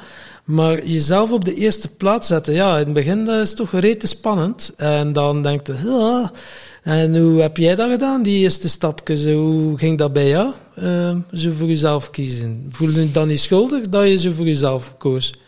Dat in jezelf dat, oh shit, ben je toch maar een egoïst. Ja, die eerste keren wel. Maar ik ben op, ben, op moment had ik een afspraak bij mijn psycholoog op een zaterdagochtend, heel vroeg. En ik was geweest en ik was dan terug in mijn bed gekropen. En ik weet nog dat mijn toenmalige partner moest, moest, op, uh, moest vertrekken. En, en die kreeg mij niet wakker. En ik, en ik ben eigenlijk in mijn bed blijven liggen tot als hij terug thuis kwam. En ik zei tegen hem, ik zei, de volgende keer pak ik maar één valium in plek van twee. Ja, ik had niks gepakt, maar ik raakte gewoon mijn bed niet uit. Mijn, mijn lichaam zei echt, nee, nee, je beweegt vandaag niet. Oh, dat was wel heftig. En dat was wel zo, weer zo een heel duidelijk zo van, hè, zoals ik al zei, het universum weet dat, ze, dat hem duidelijke signalen naar mij moet sturen. Dat was weer een heel duidelijk signaal zo van, hallo, tijd hè, tijd om, om echt wel te rusten en aan jezelf te denken. En dan, dan heb ik ook wel echt gekozen om, om meer en meer voor, voor mijzelf te kiezen, keer op keer. Ehm, dus er moest iets ingrijpends gebeuren voor u tot dat besef te komen van, jij gaat hier niet uit je bed. Het ging ook gewoon niet. Nee, ik, kon, ik, kon, ik kon echt gewoon mijn benen niet, niet verzetten. Precies verlamd. Ja. Verlamd tot, tot hier. Alleen mijn hoofd werkte nog. En dan heb je maar één optie, hè, naar binnen keren. Hè? Want ja, als dat lijf niet wil, dan kun je alleen maar naar binnen keren. Hè? Of piekeren, dat kan Of nog. piekeren, ja, dat kun je ook. Ja, ja, ja. Maar daar heb je altijd een keuze op, hè, wat dat je kiest om, om in je hoofd te laten gaan. En dan, ja, dan zijn er uh, beslissingen gevallen en uh, ja, dan, dan, zijn we, dan ben ik stilletjes aan in beweging gekomen om, om toch meer en meer voor mezelf te kiezen. Um, ja, want ik kan me wel uh, voorstellen, als je dat verlamd, je zo verlamd voelt, dat je niet kunt bewegen en wow, dat dan toch wel ook spannend en angst. Of hadden, of hadden zoiets van, pff, het kan me allemaal niet meer boeien? Um, ik ben dan na de middag uit bed geraakt en ik heb dan eigenlijk de rest van de dag gewoon dingen voor mezelf gedaan. En dat was ook de eerste keer dat ik zoiets had van, oh, dit voelt wel goed om iets voor mezelf te doen. Oké. En ja, sindsdien ben ik het altijd wel een beetje blijven doen. Ja. Nee, ik ben het eigenlijk gewoon blijven doen. Van mezelf wel echt op de, op, op de eerste plaats te zetten. En ook ja, angst kan, kan een mens bekruipen. Hè. Ik heb ook nog in de auto gezeten op mijn 25 onderweg naar het ziekenhuis, denkende dat ik een hartaanval had. En blijkbaar, ja, jaren later zeiden ze van, oh nee, je hebt gewoon paniekaanvallen. Oh, oei. Gewoon ja. paniekaanvallen, ja. Ja, gewoon paniekaanvallen. ja, gewoon, hè. Daar hebben we niks voor, behalve een pilletje. Ja, maar dus, ademhaling. Heel goed voor paniek. Ja, dat is maar tijdelijk. Dat pilletje. Ja. maar dan kies je voor jezelf. Dan ga je omgeving er wel wat van vinden. Want ja, ons Severin is veranderd. Hoe ga je ermee om? Want ja, dan krijg je zo reacties en zo van... Uh, hè? Severin, ja, die, die, sommigen hebben dan toch liever dat de, de oude Severin blijft. Zo, die in de bres springt voor Jan en Alleman er zijn redelijk wat mensen um, die ik niet meer zie. Mm -hmm, ja. Omwille van die reden. Ja. Nu, ik ben van kinds af aan redelijk veel verhuisd. Er zijn heel veel mensen in en uit mijn leven gegaan. Dus ik had het daar op zich heel moeilijk mee. En toen dat ik de, de, de, de tijdslijn heb bekeken van mijn eigen leven, had ik zoiets van, ja, it's part of life. Mensen komen, mensen gaan. Ja. En, en soms, sommige zijn er voor de long ride en andere niet. En bij mij is duidelijk dat de meeste mensen er niet voor heel, heel lang zijn. Om het zo te zeggen. De enige mensen die er echt al heel lang zijn, is mijn familie. Mijn vriendschap gerelateerd, als je van kleins af aan veel verhuisd bent. Ja. En ook als je ja, contact. persoonlijk groeit en met persoonlijke groei bezig bent. Uh, ja, als ik kijk naar mijn omgeving van uh, vijf jaar geleden, zes jaar, schiet niemand meer over. Niemand, buiten mijn familie dan natuurlijk en mijn dochter. Maar van vrienden, niemand. Dus nul, zero, niette, knots, geen ene meer. Maar er zijn er, er, zijn er wel uh, tientallen bijgekomen. En daar ook zijn er soms verschuivingen. Maar ja, dat is ook allemaal oké. Okay. En ook wel mooi dat je dan, die hebben u ook wel allemaal gediend, of u bepaalde lessen gegeven, of inzichten gegeven, of uh, ervoor gezorgd, zo over uw grens gaan, dan is dat jou om die grens te zetten. Maar als je het niet doet, dus dat waren allemaal ervaringen dat je kreeg, dat je mocht oefenen uiteindelijk. Maar ja, als je de les niet ziet, blijf je zulke situaties en zulke personen aantrekken. Ja. Tot wanneer dat je het ziet of doorhebt. En dan ineens kom je die niet meer tegen, die, die mensen, die soort mensen. Dan is het, uh, het universum is zo... Oké Tom, heb je les geleerd? Ja, naar het volgende level. Zullen ze nog nog nooit een Hollander op je pad sturen? ja, van babbelstem. Ik raak er nog voorlopig nog niet vanaf. Maar Dat is eh, vreemd, ja. nou, nee. We doen nogthans ons best. We doen ons best wat. We maken elkaar af. Het zelfs voor de micro en zo. Maar eh, nee, de vriendschap blijft. Toch? Dat is het mooie aan, aan, aan, aan de groeiproces, vind ik. Dat je echt mensen vindt die er onvoorwaardelijk zijn. Hm. De mensen die blijven zijn degenen die er, die er onvoorwaardelijk staan. Wat je ook doet, wat je ook onderneemt, hoe je ook verandert, ze blijven er. Mhm. En dan weten dat de mensen er onvoorwaardelijk zijn voor u. Ja, dat kan eigenlijk alleen als je zelf, als je je authentieke zelf leeft. Ja. Want ja, dan omring je je met mensen die bij jou willen zijn om wie je bent en niet om wat je doet of wat je zegt of wat je denkt. Ja. Oei. Ja. Komt uit mijn mond? Ja, komt helemaal. ik, had, ik had u wel op dat briefje geschreven, ik heb het wel afgelezen, maar... eh, ja. Dat doet hij dus altijd, hè, weer klein maken. Hè. Ja. Nee, mooi gezegd. En eh, ja, dat eh, pad van persoonlijke groei. eh, dus eh, door wie word jij zo eh, geïnspireerd? Of wat zijn jouw grootste inspiratiebron qua boek of film of uh, Mijn, eh, hetgeen waar het voor mij ehm, toch wel een hele grote eye-opener is geweest, is eh, Dr. Victor E. Frankl. ah, ja, Man's van, Search ja, for Meaning. Ja, ja, van die... En ja, logotherapie eigenlijk. Ja. Ehm, ja, Dat is dat hij er in dat concentratiekamp zit. Gans zijn familie is uitgemoord, is vermoord. Maar hij door in de kracht, dat kunnen ze niet van hem afpakken, dat zelfbewustzijn. En uiteindelijk kan hij nog eh, veel voordrachten geven, kan hij er, eh, komt hij uit die concentratiekampen. En eh, ja, ik heb het nog niet gelezen, dat boekje, maar alles, het wordt... alles mag van een mens afgenomen worden. De meest onerende toestanden mogen aan een mens worden aangedaan. We kiezen nog altijd zelf onze gedachten en hoe we ermee omgaan. Dat is Ja. een van zijn essenties eigenlijk. En dat is ook wel iets dat mij heel erg aansprak. Mhm. Wat er ook gebeurt rondom jou, jij hebt altijd de vrije keuze om er op jouw manier om mee om te gaan. Hoe erg het ook is, hè? Ja. Je hebt altijd een keuze. Je hebt altijd een keuze, dat klopt inderdaad. Ja. En, eh, Is dat iets wat je in, je dagelijks leven ook toepast, dat inzicht? Ja. Ja, toch wel. Als een... ehm, ja, ik heb, ik heb mij heel lang in het... eh, en dat is niet makkelijk om dat te zeggen, maar ik heb me heel lang in het slachtofferrolletje gestoken. Ehm, en een stuk geen slachtoffer willen zijn. Hè. Ik ben geen slachtoffer. Ja, de dingen zijn gebeurd, maar ja, hè, daar kan ik niets aan doen. Ik kan gewoon voort. Ik weet nog dat mijn psycholoog zei... Om een overlever te zijn, moet je wel eens slachtoffer geweest zijn. Als je jezelf niet als slachtoffer durft te zien, dan kun je ook geen overlever zijn. En ik had zoiets van... oh, oh. maar ik wil niet in die slachtoffer. Maar door iets hard weg te duwen, zei het juist wel heel hard. Hè? Dus eh, ja, Ja, eigenlijk zeg je gewoon heel hard, hallo, ik ben een slachtoffer. Hallo, ik ben een slachtoffer.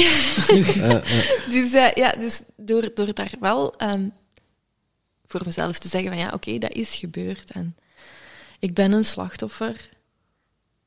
Hoe ik nu verder ga met de rol van slachtoffer of van het is gebeurd, ik kan niks veranderen, maar ik, ik breng er wel iets mee naar buiten. Ik ga er wel iets mee doen. Ik ga andere mensen ehm, toch wel dat inzicht geven van je kunt kiezen, lieve mensen. Je kunt kiezen ja, daarmee, daarmee kun je gewoon veel, veel bereiken. Te kiezen zelf, je keuzevrijheid kiezen. ja, ja, want het is soms makkelijk, hè. Je hebt deze morgen ook een keuze gemaakt, want jij verklapte ons tijdens de rondleiding op het domein hier. eh, dat je toch met een iets ander gevoel bent opgestaan dan je nu in de wedstrijd zit. Hoe bedoel je? Eh, jij vertelde dat je een beetje zenuwachtig was vanmorgen, eh maar dat je naar buiten keek en dan een keuze had gemaakt. Ik laat het jezelf vertellen. Ja, dus van de morgen had ik wel zoiets van... eh, het is toch wel spannend. Tim en Tom komen op bezoek. Ja, echt? Ehm, dus ja, het is... Allee, wat- langs de andere kant is het ook altijd zo dat, dat ik dan denk van... If it scares you and excites you, it's at least you should really do it. Dus, maar dat houdt niet tegen dat, ja, zo, zo met de billen bloot, hè, kwetsbaarheid laten zien, dat dat toch wel... je verhaal gaan doen, dat dat toch wel iets, iets is, dat, dat, dat is toch wel allee, niet zo gemakkelijk. Dus, ehm, dus ja, dat was wel even zenuwachtig. En dan kwam naar beneden met Maxime op mijn arm, hè, onze zoon. En ik keek naar buiten en ik zag een stralende eh, zonsopgang met goud en roos. En, en ik had zoiets van, dank u wel, universum. Het is duidelijk. Just enjoy this day. Je hebt hier zo hard naar uitgekeken. En eh, ik weet nog dat ik jullie eh, had gezien met, het, eh, met die een dag dat jullie georganiseerd hadden met Vincent van de Putten in Het Tim Tom Antwerpen. Podcast Festival. Ja, ja, Ja. het Tim Tom. En ik dacht van, oh, maar met die mannen wil ik wel graag een keer langskomen. en dan in één keer komt Tom langs op het Magical Zen Festival en dan vraagt hij, dan dacht ik zo van. Ja, Pinch, pinch. manifesteren. Even manifesteren, ja. Ja. Ik zal het gevoel hebben, hè. Want Ja. ik weer ook ineens naartoe aangetrokken. Ja. Eh, was het uw energie en dat Nee, het was paard- paardencoaching, Tom. paardcoaching, eh, energie. En ik dacht van, ja, ja, op een of andere manier. Ik had ook geen andere keuze om het u te vragen. Dus het wordt dan toch op een of andere manier ook allemaal geleid van hierboven. Ja. Die synchroniciteit of dingen, ja, uw eigen wereld creëerde zelf uiteindelijk. En Edwin Selei zegt het eh, regelmatig mooi zo, de multiverse-theorie, en dat is zijn zoon die dat zei, eh, in mijn universum kan jij, kan jij dood en ik niet. En in jouw universum kan ik dood en jij niet. Dus eigenlijk, als je er goed over nadenkt, ja, kan je nooit niet doodgaan. Ja? Nee. Je, want je kan niet doodgaan in je eigen universum. Vond ik zo een mooi. hè, En in onze podcast heeft hij ook wel gezegd. Hè. Veel gezegd. Ja. Die podcast duurde verder drie uur. Dus, maar het is echt wel, eh, ja, het spirituele. Hoe is dat bij jou zo, het spirituele? Persoonlijke groei, ja, heeft wel wat te maken met spiritualiteit. Maar ja, spiritualiteit is ook wel, eh, ja, wat is spiritualiteit voor jou? Ik ben beginnen geloven in spiritualiteit op het moment dat. ehm, toen, toen, we in, ja, toen aan het proberen waren om zwanger te worden, we wisten vrij snel, eh, aangezien dat mijn man CF heeft, of mucoviscidose, dat dat niet vanzelfsprekend zou worden. Ehm, dus ja, dan zijn wij in begeleiding gegaan en ik denk dat het na poging. Ja. Zes was, denk ik, ja. Toen zonk echt wel de moed in mijn schoenen. Zo van, weer een negatieve test. Ehm, en toen kwam het boek van eh, Gabrielle Bernstein op mijn pad. ehm, naam van het universum. En dan heb ik dat geluisterd, boekt, eh, geaudioboekt. Ja. En ehm, dat was eigenlijk, ja, start de dag met, met dankbaar te zijn. En ik weet nog dat ik dan in mijn, ja, alweer hè, het doorbreken van uw gedachten en uw gewoontes, hè, want het is uiteindelijk maar een gewoontecirkel die in uw hoofd gaat. En dat was elke ochtend. En ik weet nog dat ik startte. Mijn partner leeft, ik leef, mijn hond leeft. Voilà. En ik pakte mijn hond en ik ging wandelen. En dat is uitgebreid naar elke ochtend op mijn yogamat gaan zitten met mijn yogakussentje. En ehm, een wekkertje in te stellen. Vijf minuten, tien minuten. En dan kwam daar nog een kwartier yoga bij. En elke ochtend gunde ik mezelf 25 minuten om zo even te verbinden met mezelf, met het universum. En ik weet nog, in week twee was er een shift, want ik zat daar op mijn, op mijn kussentje boven op mijn yogamat, op de zolder. Met, en ineens zo, ik leef, mijn hond leeft, mijn partner leeft.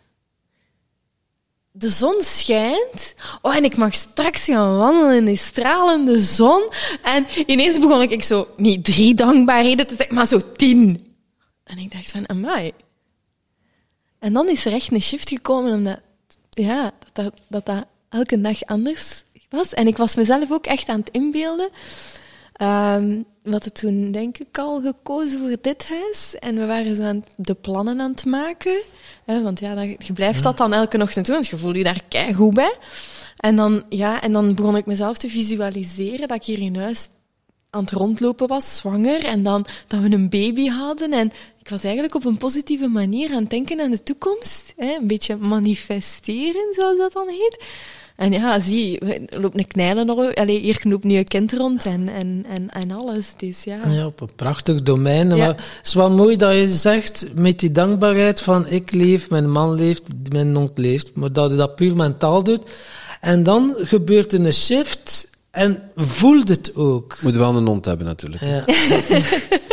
maar het is door als je het voelt, wat ik deed, ik heb ook nog eens dit zo opschrijven van ik ben dankbaar voor dat, maar dat is puur mentaal.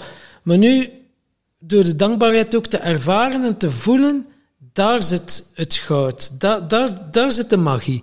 En door dat te voelen, hè, hoe dat je heeft, oh, en de zon schijnt, je ogen gingen open, ja, je ervaart het, ik voel het instaan. Yes, dat is de trilling van dankbaarheid. Niet enkel het opschrijven, is nog beter het opschrijven dan niks doen misschien, maar het echt wel gaan voelen en het ervaren, in combinatie met die hartcoherentie, door, hè, bij Baptiste Papen, mensen moeten maar luisteren naar die podcast, we doen die oefening over je hart wrijven, en dan, ik adem liefde in, ik adem liefde uit en we deden dat vijf minuten en dan gebeurde er ook van alles. Dan dat je op die trilling, die vibratie van dankbaarheid kwam.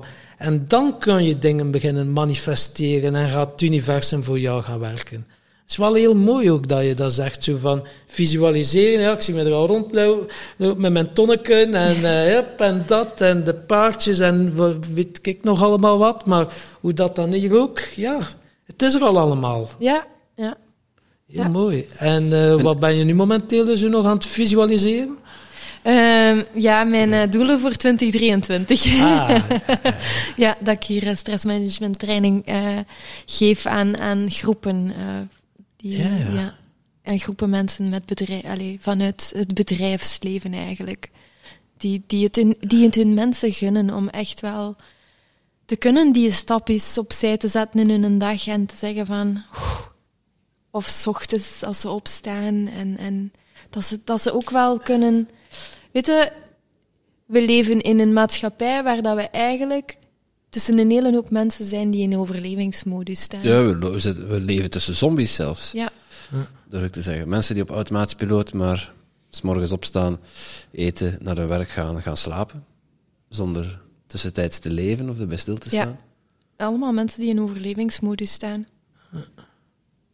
En dan zijn wij een beetje de nieuwe tijdskinderen, mensen die zeggen van, ja maar, wacht eens even. Tussen dat gaan slapen en, en, en allez, tussen opstaan en gaan slapen is er een heel moment waar je meer kunt doen dan gewoon gelijk een zombie rondlopen. Ten koste van jezelf, voor, voor je werk, voor de maatschappij, voor...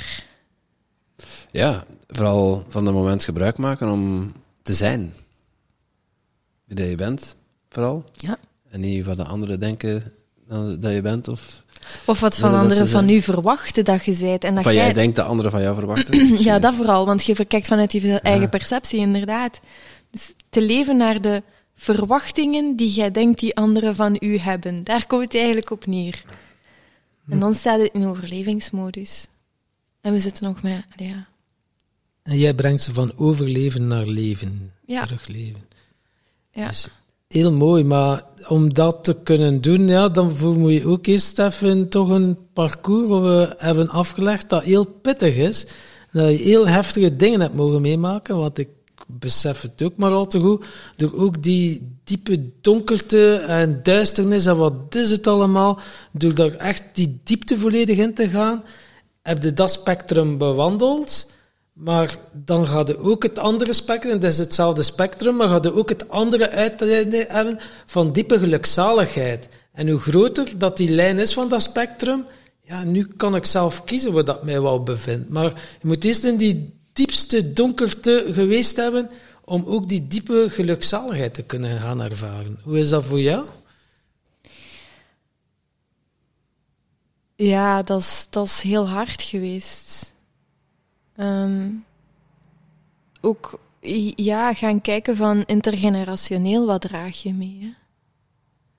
Is weer naar je familiesysteem. Ja, ja. Want daar zit ook heel veel. Hè? En dan de eerste duizend dagen, hè?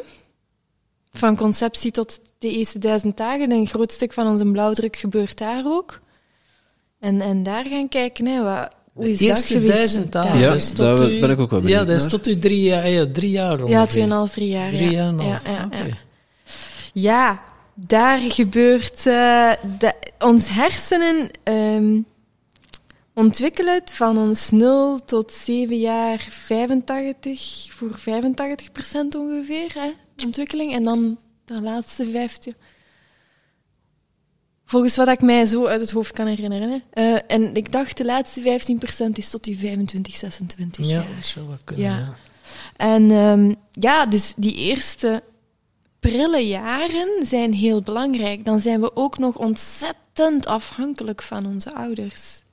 Tot ons drie jaar, hè, van nul, hè, van min negen maanden tot drie jaar. We worden als mensen prematuur geboren, dus we zijn volledig afhankelijk van onze ouders. Ja, je moet nog verder ontwikkelen voor normaal te kunnen functioneren zelfs. Ja, we, we, allee, bij, bij paarden bijvoorbeeld, die staan binnen het uur recht en die zijn aan het drinken. En twee maand, allee, ongeveer een maand, twee maanden na de geboorte zitten die al gewoon mee hooi en, en, en gras te eten. Dus Ja, een paard wat binnen het uur niet staat, die gaat niet, Nee, die die gaat geen jaar oud worden. Nee. nee, voilà, die overleeft het over het algemeen niet. Hè. Bij de kinderen is het anders. Hè. We zijn draagdieren. Het is de bedoeling dat we gedragen worden door, ons, door onze ouders. Dus ja, daar zit heel veel. Hè. En hoe is uw hechting gebeurd met uw eigen ouders? Dat is uw, allee, dat is uw, hoeveel co-regulatie heb je gekregen van uw ouders? Want in dat heel prille begin, we kunnen onszelf als mens niet reguleren. Hm. Eerst, eerst wordt ons alles gereguleerd. Ademhaling, temperatuur, dergelijke wordt allemaal ge- gereguleerd hier. Dan komen we eruit. Hier in de buik bedoel je? Ja, in de buik. Ja. Wordt, ja. ja, ik vergeet altijd dat we in de, Ja, we zitten in een podcast. in Ja. podcast zitten. Dus ja, dat wordt geregeld in de buik van de moeder. En één keer dat we daaruit komen, dan hebben we zo als mens iets zo van, ja, en dan moet dat kind maar functioneren en mee functioneren gelijk dat wij functioneren.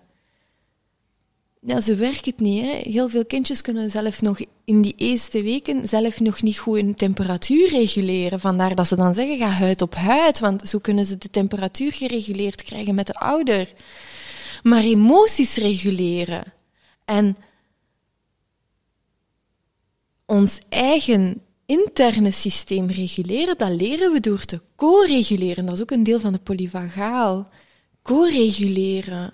We hebben onze ouders ontzettend veel nodig. Onderzoek heeft uitgewezen dat kinderen die men heeft laten huilen, en pas op, iedereen heeft, daar wil ik wel even, er is geen goed of fout. Onze ouders hebben gedaan wat dat ze wisten op dat moment en wat dat hun is aangeraden Met de geweest. beste bedoelingen. Met de beste bedoelingen en de beste intentie. Want ik vind, ik wil hier geen goed of fout. Ik wil gewoon zeggen wat in onderzoek heeft uitgewezen. Een kind laten uithalen zorgt ervoor dat de cortisolwaarden gigantisch omhoog gaan. En dat dat niet meer, dat dat heel moeilijk en heel traag terugzakt. En cortisol is het stresshormoon. Dus wat wij eigenlijk doen is een kind op dat moment al leren van als jij helemaal hulploos en alleen bent, dan staat jij er helemaal alleen voor. En dan moet jij je plan maar trekken. Iets vertelt me dat jij anders in de wedstrijd zit. Hoe bedoel je? Als ouder. Ja, ja, ja. Ons kind slaapt nog altijd uh, bij ons. Uh, ja, we hebben, uh, ik heb zijn lidikant volledig omgebouwd naar een co-sleeper en hij slaapt gewoon bij ons. Ehm, ik draag mijn kind veel. Hij doet ook veel in zijn buggy. Zijn middagslaapjes zijn altijd in een buggy. Dan lopen wij hier eens over en twee en dan slaapt hij ook drie uur. Ik moet ook mijn, ik moet ook mijn huishoudelijk werk doen. Dus ja, soms vind ik dat ook fijn dat dat kind gewoon ergens slaapt en dat ik daar niet moet naar kijken. Hè? Dat, zeker en vast. Um, maar ik zie wel dat we waren gisteren op visite bij, me, bij, bij mensen en dan zie ik van ik zet hem daar neer en dan wandelt hij zo rond en dan kruipt hij terug op mijn schoot en dan komt hij zo even knuffelen en dan gaat hij terug van mijn schoot en dan... Maar het is doordat hij zich comfortabel voelt, omdat hij weet van als er iets is, kan ik bij mijn mama terecht. En dan voel ik mij sterk genoeg om de wereld te gaan ontdekken. Ja, dat is uh, heel belangrijk voor die veilige hechting. Hè? Ja, ja, ja.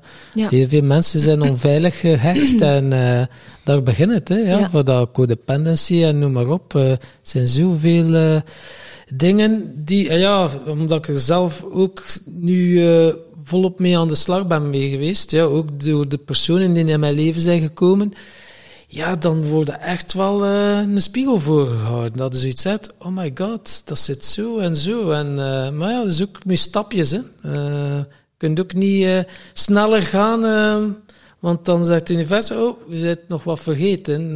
dat, dat gaan we zo niet doen. En wel boeiend. De keer dat je daar ook inzicht in begint te krijgen, hoe dan die dynamieken in elkaar zitten, kan je ook beginnen helen uiteindelijk. En, maar dat is wel pittig ook, ja. Uh, laten, we, laten we de vraag van de vorige gast er eens bij pakken, Tom. Ah ja, zwaar. We beginnen onze podcast altijd op 14 uur 41, zie ik eens. Engelen zijn bij ons, jongen. Ja, wat is het te vertellen, manneke? Um, de vraag van de vorige ah, mensen zijn, oeh, het is hier 6 uur 23. um, pup, pup, pup. Dat was Ah ja, ja, van Amy, ja. Amy van de Putten. Amy van de Putten, de dochter van de Vincent. Die ken ik. Ik heb daar uh, ah, ja. Ken de BFE gevolgd, de Business Freedom Elevator. Ah, oké, kijk eens aan. Wauw. Het programma is er gestopt ondertussen. Ja, ja. Dus uh, jij hebt er nog van gebruik kunnen maken. Ja. Mooi. Maar, Zij had een uh, heel inspirerende vraag voor jou. Ja. Als vandaag de laatste dag zou zijn ben je dan tevreden hoe die tot hiertoe is verlopen? Ja. Ja. Ja, zeker en vast. Leg uit. ik, uh, ik heb altijd geleefd volgens. Um, ik heb liever van iets te doen waar ik spijt van heb, dan spijt te hebben van iets wat ik niet gedaan heb heb altijd met die filosofie uh, geleefd. Daardoor heb ik soms dingen gedaan waar ik achteraf van denk van...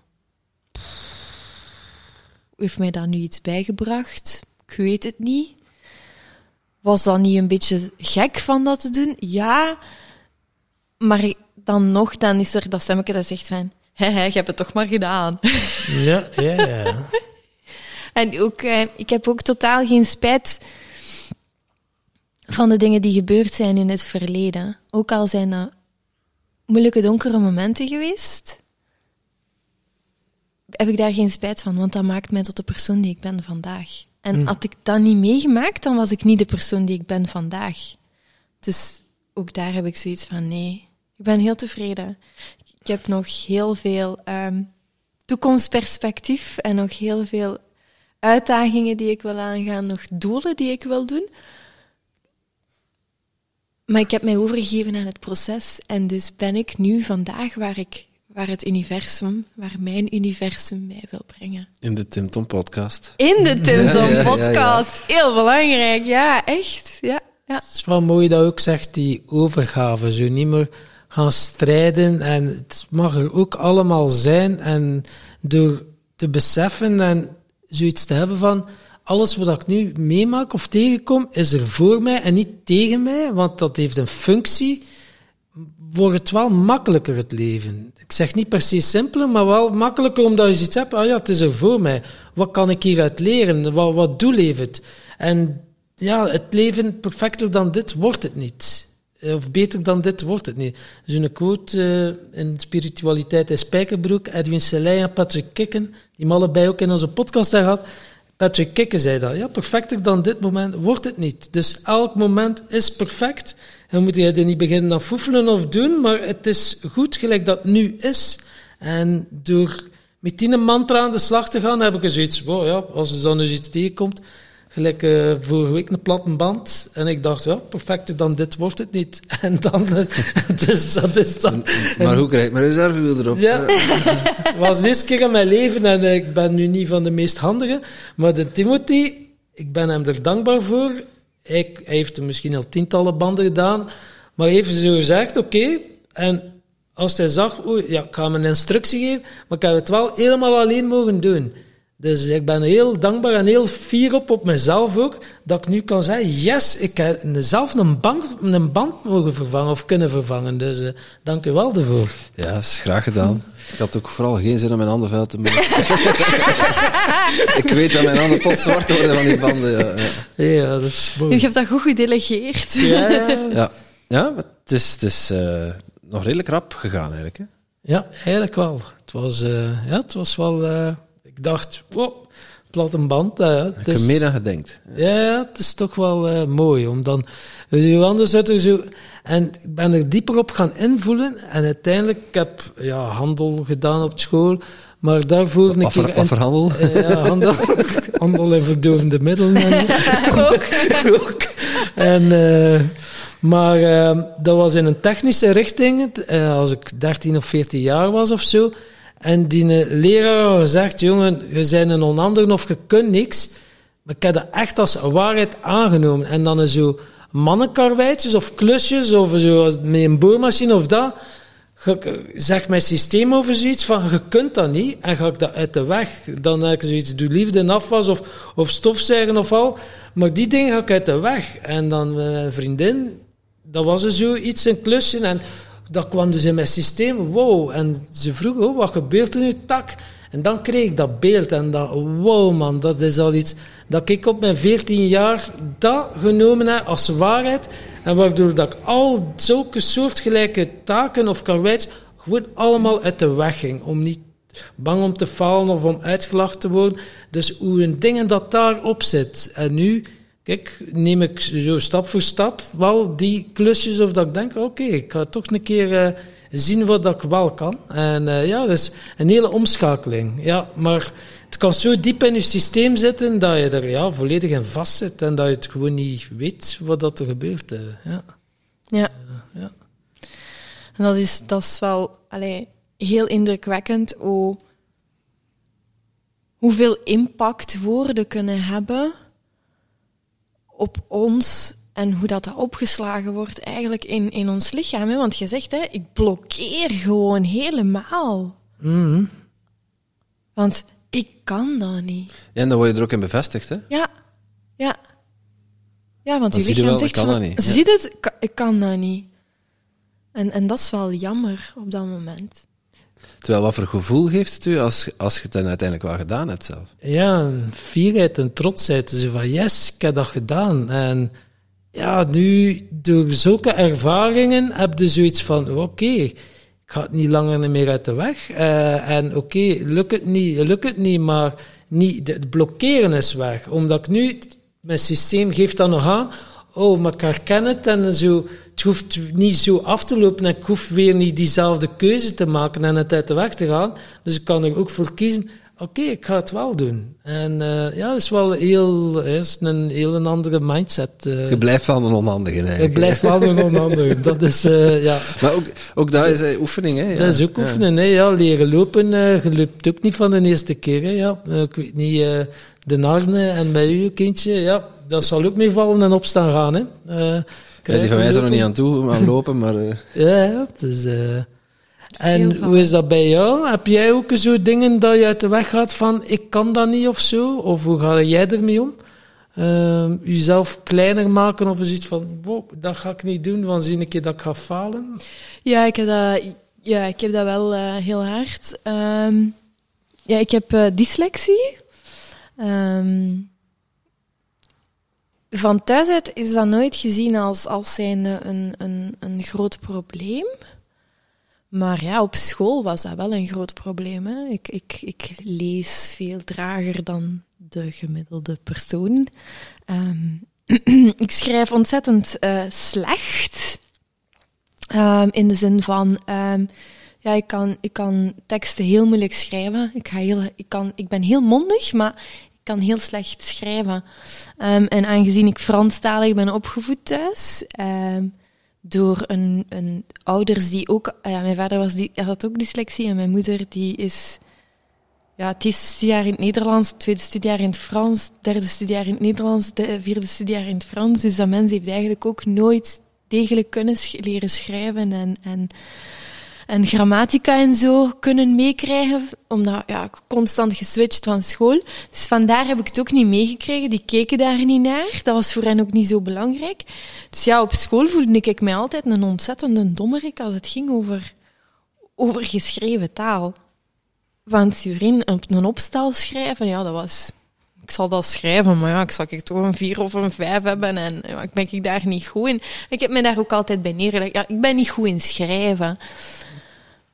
Maar als ik kan schrijven uit mijn hart, dan, dan vinden mensen mijn teksten heel treffend. Dat ze daardoor dan niet altijd correct grammaticaal geschreven zijn, daar kijken mensen over.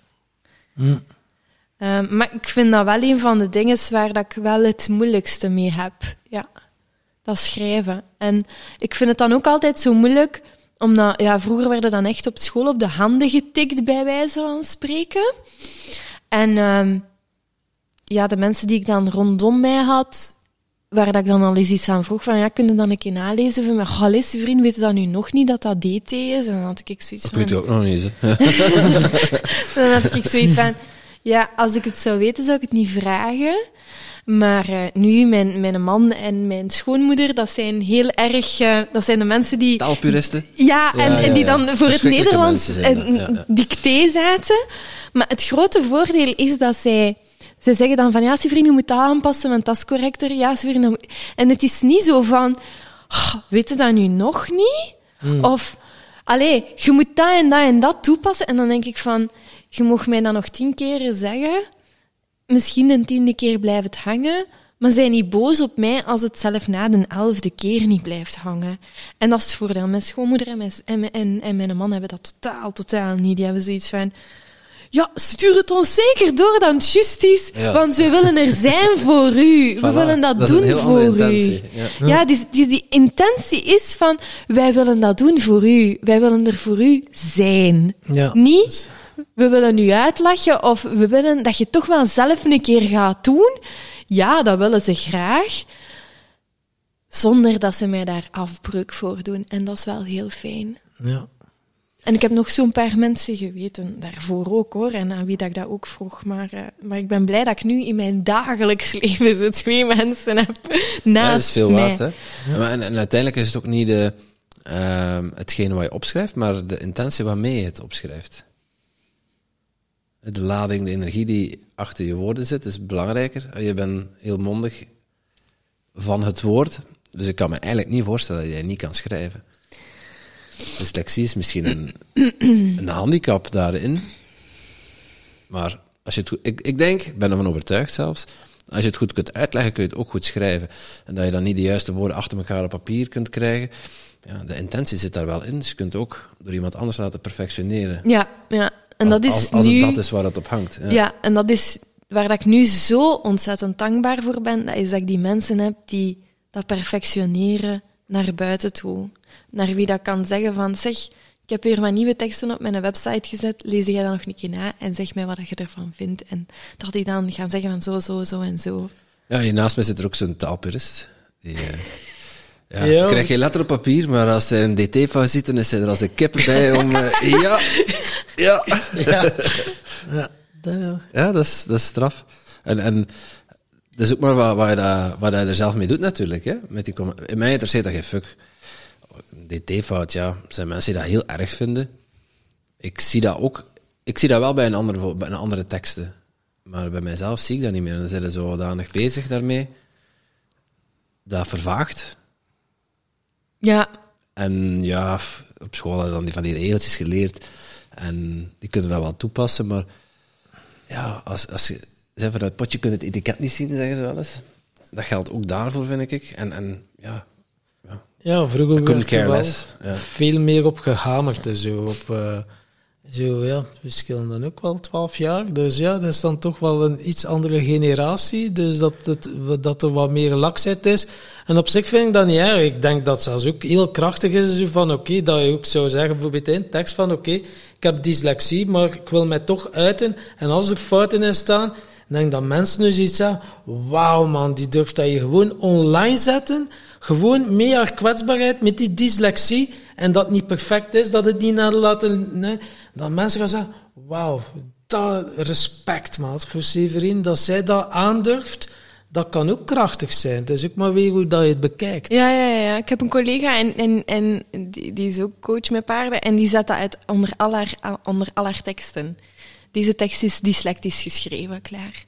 En ik Ja. vind dat ook wel geweldig dat zij dat Ja. gewoon zo doet. Ja. Ja, dat is ook Ik mooi. probeer, ik, ik lees zoveel boeken en ik vind het zo belangrijk dat, dat, ehm, dat iets leesbaar wordt geschreven, dat ik, ehm, dat ik daar zelf ook wel veel belang aan hecht. Dus ik probeer gewoon mijn teksten zelf allemaal te herlezen een paar keer. Dus nooit even aan kant te zetten. Maar ja, soms moet er iets echt heel snel de deur uit. Dat heb ik onlangs gehad met een mail. En, en mijn, heel mijn mailing leest. En dan die een tekst herlezen. En, oh my god, nee, het is Connie. En dan zo, voor de, voor de, voor de spellingbrigade. Ja. ik heb even eh, alles doorgelezen en Ah aangepast. ja, ja ik, zelf, zelfs dat doe ik niet eens. En dan, en dan het, ja, maar ik had er dan bij gezet ehm, zo een, eh, een, een beeld eh, waar ik had gezegd I have sex daily en dan doorgestreept en dan I have dyslexia. Ja. En dan zo, ah, oké. En dan uitgelegd van ja, ik heb dyslexie en dergelijke. En ik vond het wel leuk, want er heeft iemand geantwoord van by the way, spellingbrigade is één woord. en ik dacht van, check, leuk. ik heb nog een fout gemaakt in die laatste mail. Ik vond het dan zo geweldig. Want die persoon dat mij dat dan ook had teruggestuurd, dat, dat was met een smiley, hè, met, met een knipoog van, ja, hè, er staat. Maar dan dacht ik van, ja, weet je, mijn punt is overgemaakt en ik vind het geweldig dat mensen dat dan toch wel, eh, dat, dat, ja, dat ze dat dan toch wel opnemen. Ja, ja, zo, ja. ja. Ja, ik heb daar, eh, ik heb daar de stom voor. Hè. Ja. En zo hebben we allemaal ons En, maatje. eh, die hij, leest, hij leest ook niet altijd alles mee, want soms gaat het gewoon in flow en dan... Het was goed, en dan hup, weg. En dan... eh, dan is het ook... Ik ben er dan vanaf. En dan... Mijn vriendin is ook zo, en, en Tom ook, van als ze dan een dt-fout zien staan, als ze er bovenop springen. En dan, eh, ja, oké. Dat is maar waar je aandacht op vestigt. Ja, dat is. Maar... Ja, zijn vriendin springt misschien letterlijk bovenop hem, ik Ja, ja, dus ja. niet. Nee, Nee, nee, Bij mij moet het figuurlijk Ja. bekijken. Het is dus... ik wel even... Ja. Ja, Sophie gaat er ook wel van op aan, maar dat is haar, ja, dat is haar ding. Ja. Voilà. Ieder zijn, eh, ieder zijn ding. Eh, ik, had- ik had net nog een vraag. Eh we hadden het over dankbaarheid. Toen kwam Tom weer met een andere interessante vraag. Dus ja, Ja. dan moet ik even wachten. Maar nu is het mijn tour. Eh, je had het net over dankbaarheid en, en we waren het gesprek begonnen met hartcoherentie. En dankbaarheid is een belangrijk element om hartcoherent te zijn, te leven. Eh, had, je dat, had je dat toen al door, dat, dat die dankbaarheid iets deed met hartcoherentie? Wist je toen al iets over hartcoherentie? Of is dat later gekomen? Ehm, ik wist toen eh, nog niet. ik wist het verband tussen ehm, dankbaarheid en meditatie. En achteraf heb ik dan het verband ehm, gemaakt tussen hartcoherentie en meditatie. Eh, het hangt iets, iets anders aan elkaar, maar uiteindelijk eh, is, dat ook wel, allee, is het ook wel aan elkaar complementair. Eh, hoe is hartcoherentie op, op jouw pad gekomen? Via een, ehm, een training op het werk doen. Hoe, hoe zorg ik dat ik zelf efficiënter ben? En dat ging dan voornamelijk over focus leggen, ehm, durven deconnecteren van eh, jouw telefoon, ehm, durven jou eh, deconnecteren alle meldingen op, jouw eh, op jouw pc uitzetten.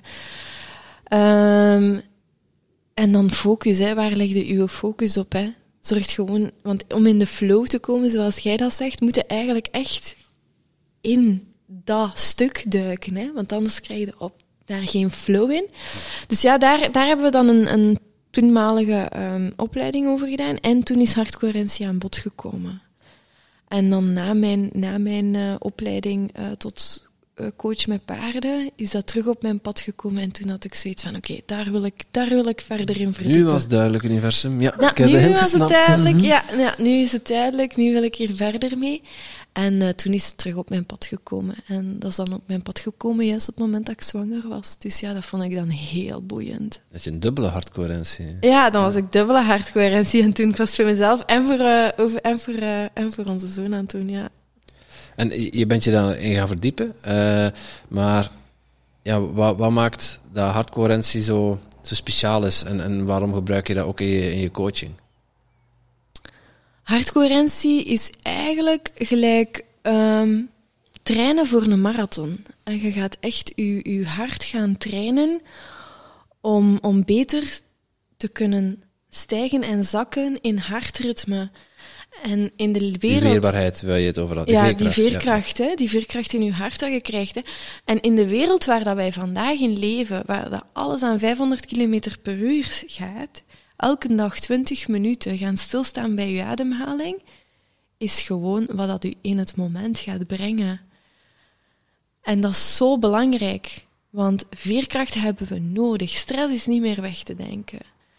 Um, ik heb het opgezocht. In 1927 lazen we, als je al kon lezen toen, lazen we ongeveer duizend woorden per dag. We lezen nu ongeveer 4000 woorden per dag. Dat is een gigantisch verschil, hè? Mm, Met al wat je ziet... Hè? Ja, dat ja, zal dat toch ook wel een minderheid dingen, geweest ja. zijn, die duizend woorden per dag lezen.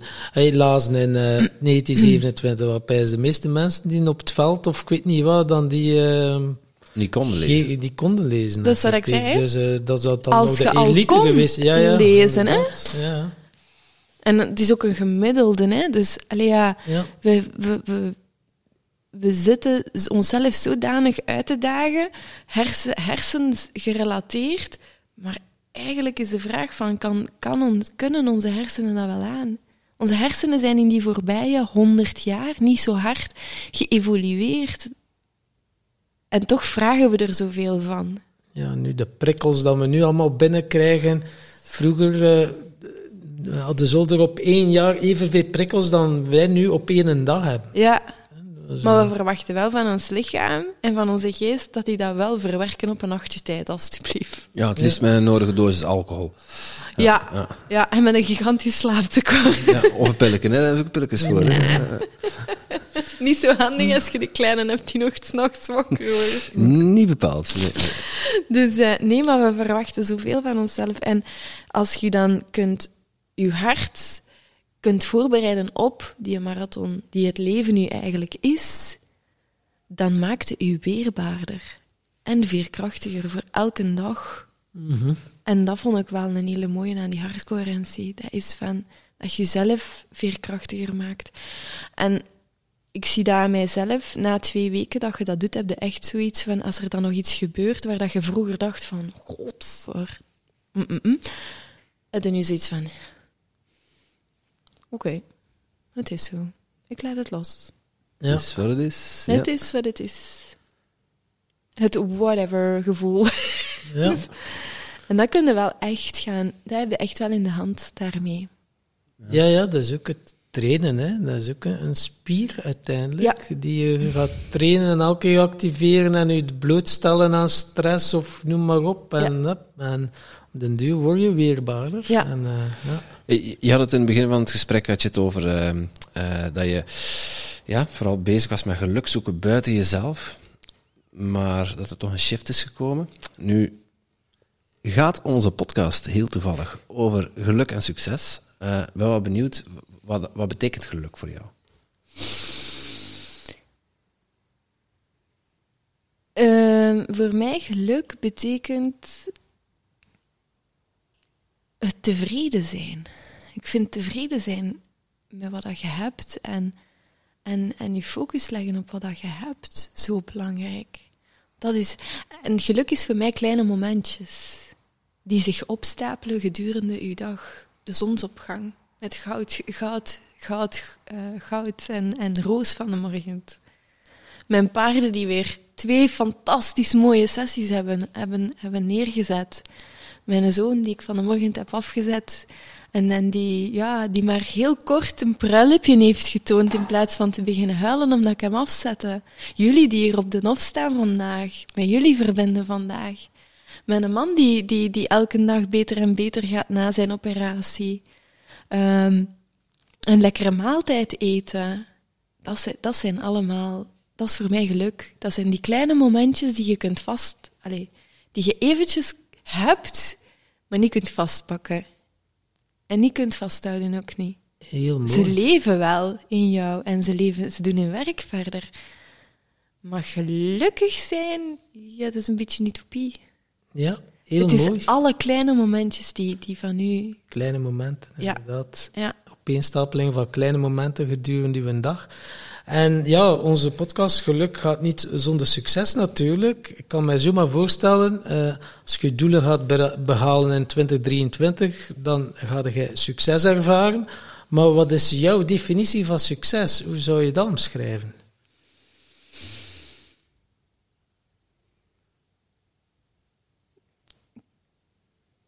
kunnen leven dag na dag door te doen wat ik graag doe. Dat is succesvol zijn voor mij. Mooi. Heel mooi. Ja. Te kunnen leven van wat ik doe, waar, ik- waar ik hou van, waar ik hou van, wat ik graag doe. ja. Dagelijks, dat is voor mij succes.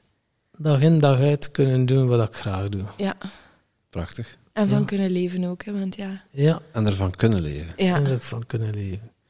Remco Klaassen zei het mooi, hè? Hoe zei het hij? Ja, dat je bereid moet zijn om eh, iets te doen wat je zelfs gratis zou doen, maar er dan jezelf er goed voor laten betalen. ja. ja, dat vind ik een hele mooie definitie ook. ja. Dat is ongeveer, Ja, wat dat het is ongeveer in dezelfde lijn. Ja, klopt.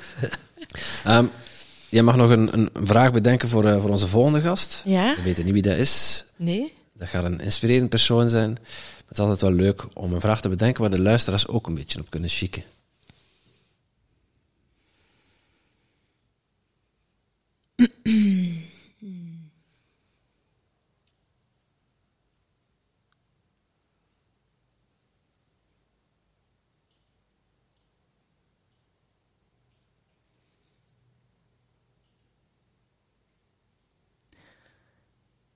Ja, om dan in mijn eigen thema te blijven. Hè? Ademruimte, leven, overleven. Hoeveel ademruimte is er nu in jouw leven?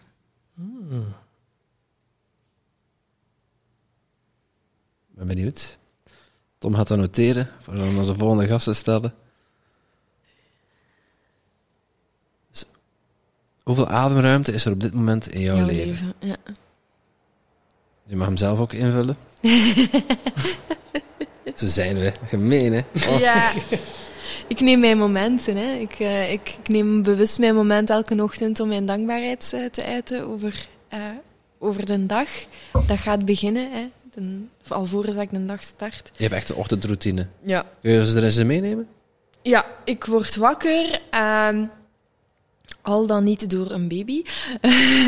Ehm, en dan ofwel begin ik die nog te voeden, ofwel ben ik echt alleen. En dan ehm, neem ik even een tijd om, om echt gewoon diep in en uit te gaan ademen. En dan te denken van, noem minstens drie dingen waar ik dankbaar voor ben in de ochtend. Ehm, ja, dat is dan meestal, kijk ik rond mij heen en dan zie ik de hond leeft nog, mijn partner leeft nog, mijn kleine leeft nog. Voilà, dat zijn er al, eh, dat zijn er al drie. Hè. Oh, Dat- ik zelf ook nog. Ja. en ik zelf ook nog, ja, ook een belangrijke. Ja, die neem ik ook automatisch wel mee. Ehm, en dan denk ik aan mijn dag. Wat ga ik vandaag doen? En dan denk ik, ah ja, ik mag dat en dat en dat gaan doen. Leuk, hè? En dan, eh, dan sta ik op. ehm, dan ga ik douchen. En dan, eh, dan ga ik meestal eh, nog een keer even koud mijn kraan omdraaien naar koud. Omdat we dat even alles activeert op, in, mijn, in mijn lichaam. En ook wel rust brengt. Want als ik het niet vergeet, dan, dan ben ik een beetje boos op mijzelf. Wederom parasympathicus, sympathicus Ja, ja, activeren. ja, een keer Ja, ja. actief. eh, ja. En, dan, ehm, en dan begint mijn dag, eh, tegenwoordig sinds dat ik bevallen ben, eh, is mijn yoga-ritueel er van tussen gevallen. En ehm, ja, dan begint onze dag. Dan gaan we stallen uitmesten, kleinen afzetten. en dan begint de werkdag. Dat is zo... En hoe zorg je voor ademruimte tijdens je werkdag? Ehm, ja, wij gaan, eh, als ik hier ben thuis dan, eh, en mijn man werkt ook thuis, dan gaan wij minstens twee keer eh, samen een kleine wandeling doen. Tot op het einde van het perceel, wat dat wij dan daar straks gedaan hebben. En dan terug. En dat is zo eigenlijk ons momentje van, van eens even ofwel te verbinden met elkaar en, en te praten, ofwel gaan we gewoon even ademen. Echt Samen in stilte. Ja, samen in stilte wandelen en dan gaan we samen ademen. Maar zelf als we tegen elkaar praten, dan ben ik nog bewees- bezig met mijn ademhaling. En dan s'avonds doe ik hetzelfde ritueel voordat ik ga slapen. Dan eh, met of zonder adembegeleider ga ik nog een keer ademen. eh, bewust. En eh tien minuten. Wat zei je? Ademt de hele dag, maar even bewust ademen. Ja, even bewust ademhalen. Hè. Die, die, die dat, ja, practice what you preach, hè. wel belangrijk vind ik. Dus eh, dat zijn wel echt momenten dat ik, eh, dat ik bewust bezig ben met mijn ademhaling. Ja. Ehm, tot slot, als, als mensen meer willen weten over jou, over wat je doet met de paarden, zonder paarden, eh, voor de bedrijven, maar ook gewoon voor Jan en Alleman, Ja, als ik het zo mag zeggen. Eh, ja, kun je nog kort even uitleggen wat dat je precies doet en waar mensen terecht kunnen voor meer informatie? Eh, ze kunnen terecht op mijn eh, website www.viveequi.be. V-I-V-E-Q-U-I. Je- Zo geschreven. Ehm, daar vinden ze meer informatie. Ehm, ik, ben, ik heb vooral een focus op eh, creëren van ademruimte bij mensen. Maar zowel in de letterlijke als in de figuurlijke zin. En eh, naar bedrijven toe ben ik vooral bezig met stressmanagement training aan de hand van hartcoherentie, Eisenhower Matrix en ehm The Seven Habits of Highly Effective People. Omdat Stephen dat- Covey, Ja, ja. Stephen Covey. En dan blijft het paard op de gang. En dan blijft de, ja, zoals zij zelf willen, als zij eh, dat hier willen doen in mijn praktijk, hè, waar dat we toch wel makkelijk eh, tien man kunnen zetten, dan kan dat hier doorgaan, of ik kan naar het bedrijf zelf gaan. Maar als we het hier doen, dan kan er altijd een stukje bij de paarden. mij heel even getriggerd, want ik ben het eens even uit mijn systeem. Ik weet het niet meer precies wat dat is. Ja, de Eh, nee, de Eisenhower Matrix. Kunnen we nog een keer kort zeggen wat dat is? Eh, Eisenhower Matrix? Ehm, dringend belangrijk. Ah, dat was hem. Ja, Ja. ja. oké, dank u. Ja, Ja. ja, de andere, vier, andere twee kwadranten? Eh, dringend, niet belangrijk, niet belangrijk, dringend, niet belangrijk, niet dringend. Ja. En het is belangrijk om de, in, de, in dat vak eh, niet... eh, Niet dringend, niet, wel belangrijk. Niet, dringend, wel belangrijk. Ja. Hè? Daar vooral. Daar dat is ook van zoveel mogelijk, ja. Daar zoveel mogelijk in doen. Ja. Juist, dank Ja. u wel voor de... Ja, dat is, dat is de belangrijkste Ja. kwadrant eigenlijk, want daar z- zorgde voor eh, meer, meer ademruimte, want daar gaat het sleutelen aan lange termijn doelen en lange termijn oplossingen. Ja. Terwijl dringend belangrijk zijn we niet anders bezig dan brandweerman te spelen. Melken en piet, dit, dat Ja, en, ja, ja, ja. En niet dringend, niet belangrijk, daar moeten gewoon buiten blijven. ja. En eh, eh, niet belangrijk, wel dringend, dat is eigenlijk dat dat niet voor u is. Dan moet je gaan delegeren. Mooi. Yes. Mooi. Dan eh, rest Ja. ons niks anders dan jou heel hard te bedanken voor de coaching en voor de toffe podcast. Ja. Ja, heel Dankjewel, erg bedankt dat Dankjewel. jullie gekomen zijn. Het was... eh, Heel veel liefde en plezier gedaan. Ja. En nu gaan we... Ja, dan gaan we nu, Mr. Van Bambos, tegen dan, als het wordt uitgezonden, weten we het al. Ja, tegen dat dit wordt uitgezonden hebben we onze prijs al in ontvangst mogen nemen. Ja. Fingers crossed. Ja, het is een Belgische We zijn het podcast. aan het manifesteren. Maar eh, Ja. ja. we gaan straks naar de Belgian Podcast Awards. eh, hopelijk om een prijs in ontvangst te nemen. Ja, later meer erover. Ja. De troostprijs. dat is niet manifesteren, hè, mannen? we gaan hem afronden. Dankjewel. Hè. Dankjewel. En jij natuurlijk ook super bedankt om te luisteren naar deze podcast. Voel jij je geïnspireerd? Je zou ons een enorm plezier doen door ons 5 sterren te geven of een review achter te laten in jouw favoriete podcast-app. En wil je geen enkel inspiratiemoment missen? Abonneer je dan op onze podcast of volg ons op social media at Tim Tom Podcast. Oké, okay, dan moet je weer terug aan de Tom. Hè?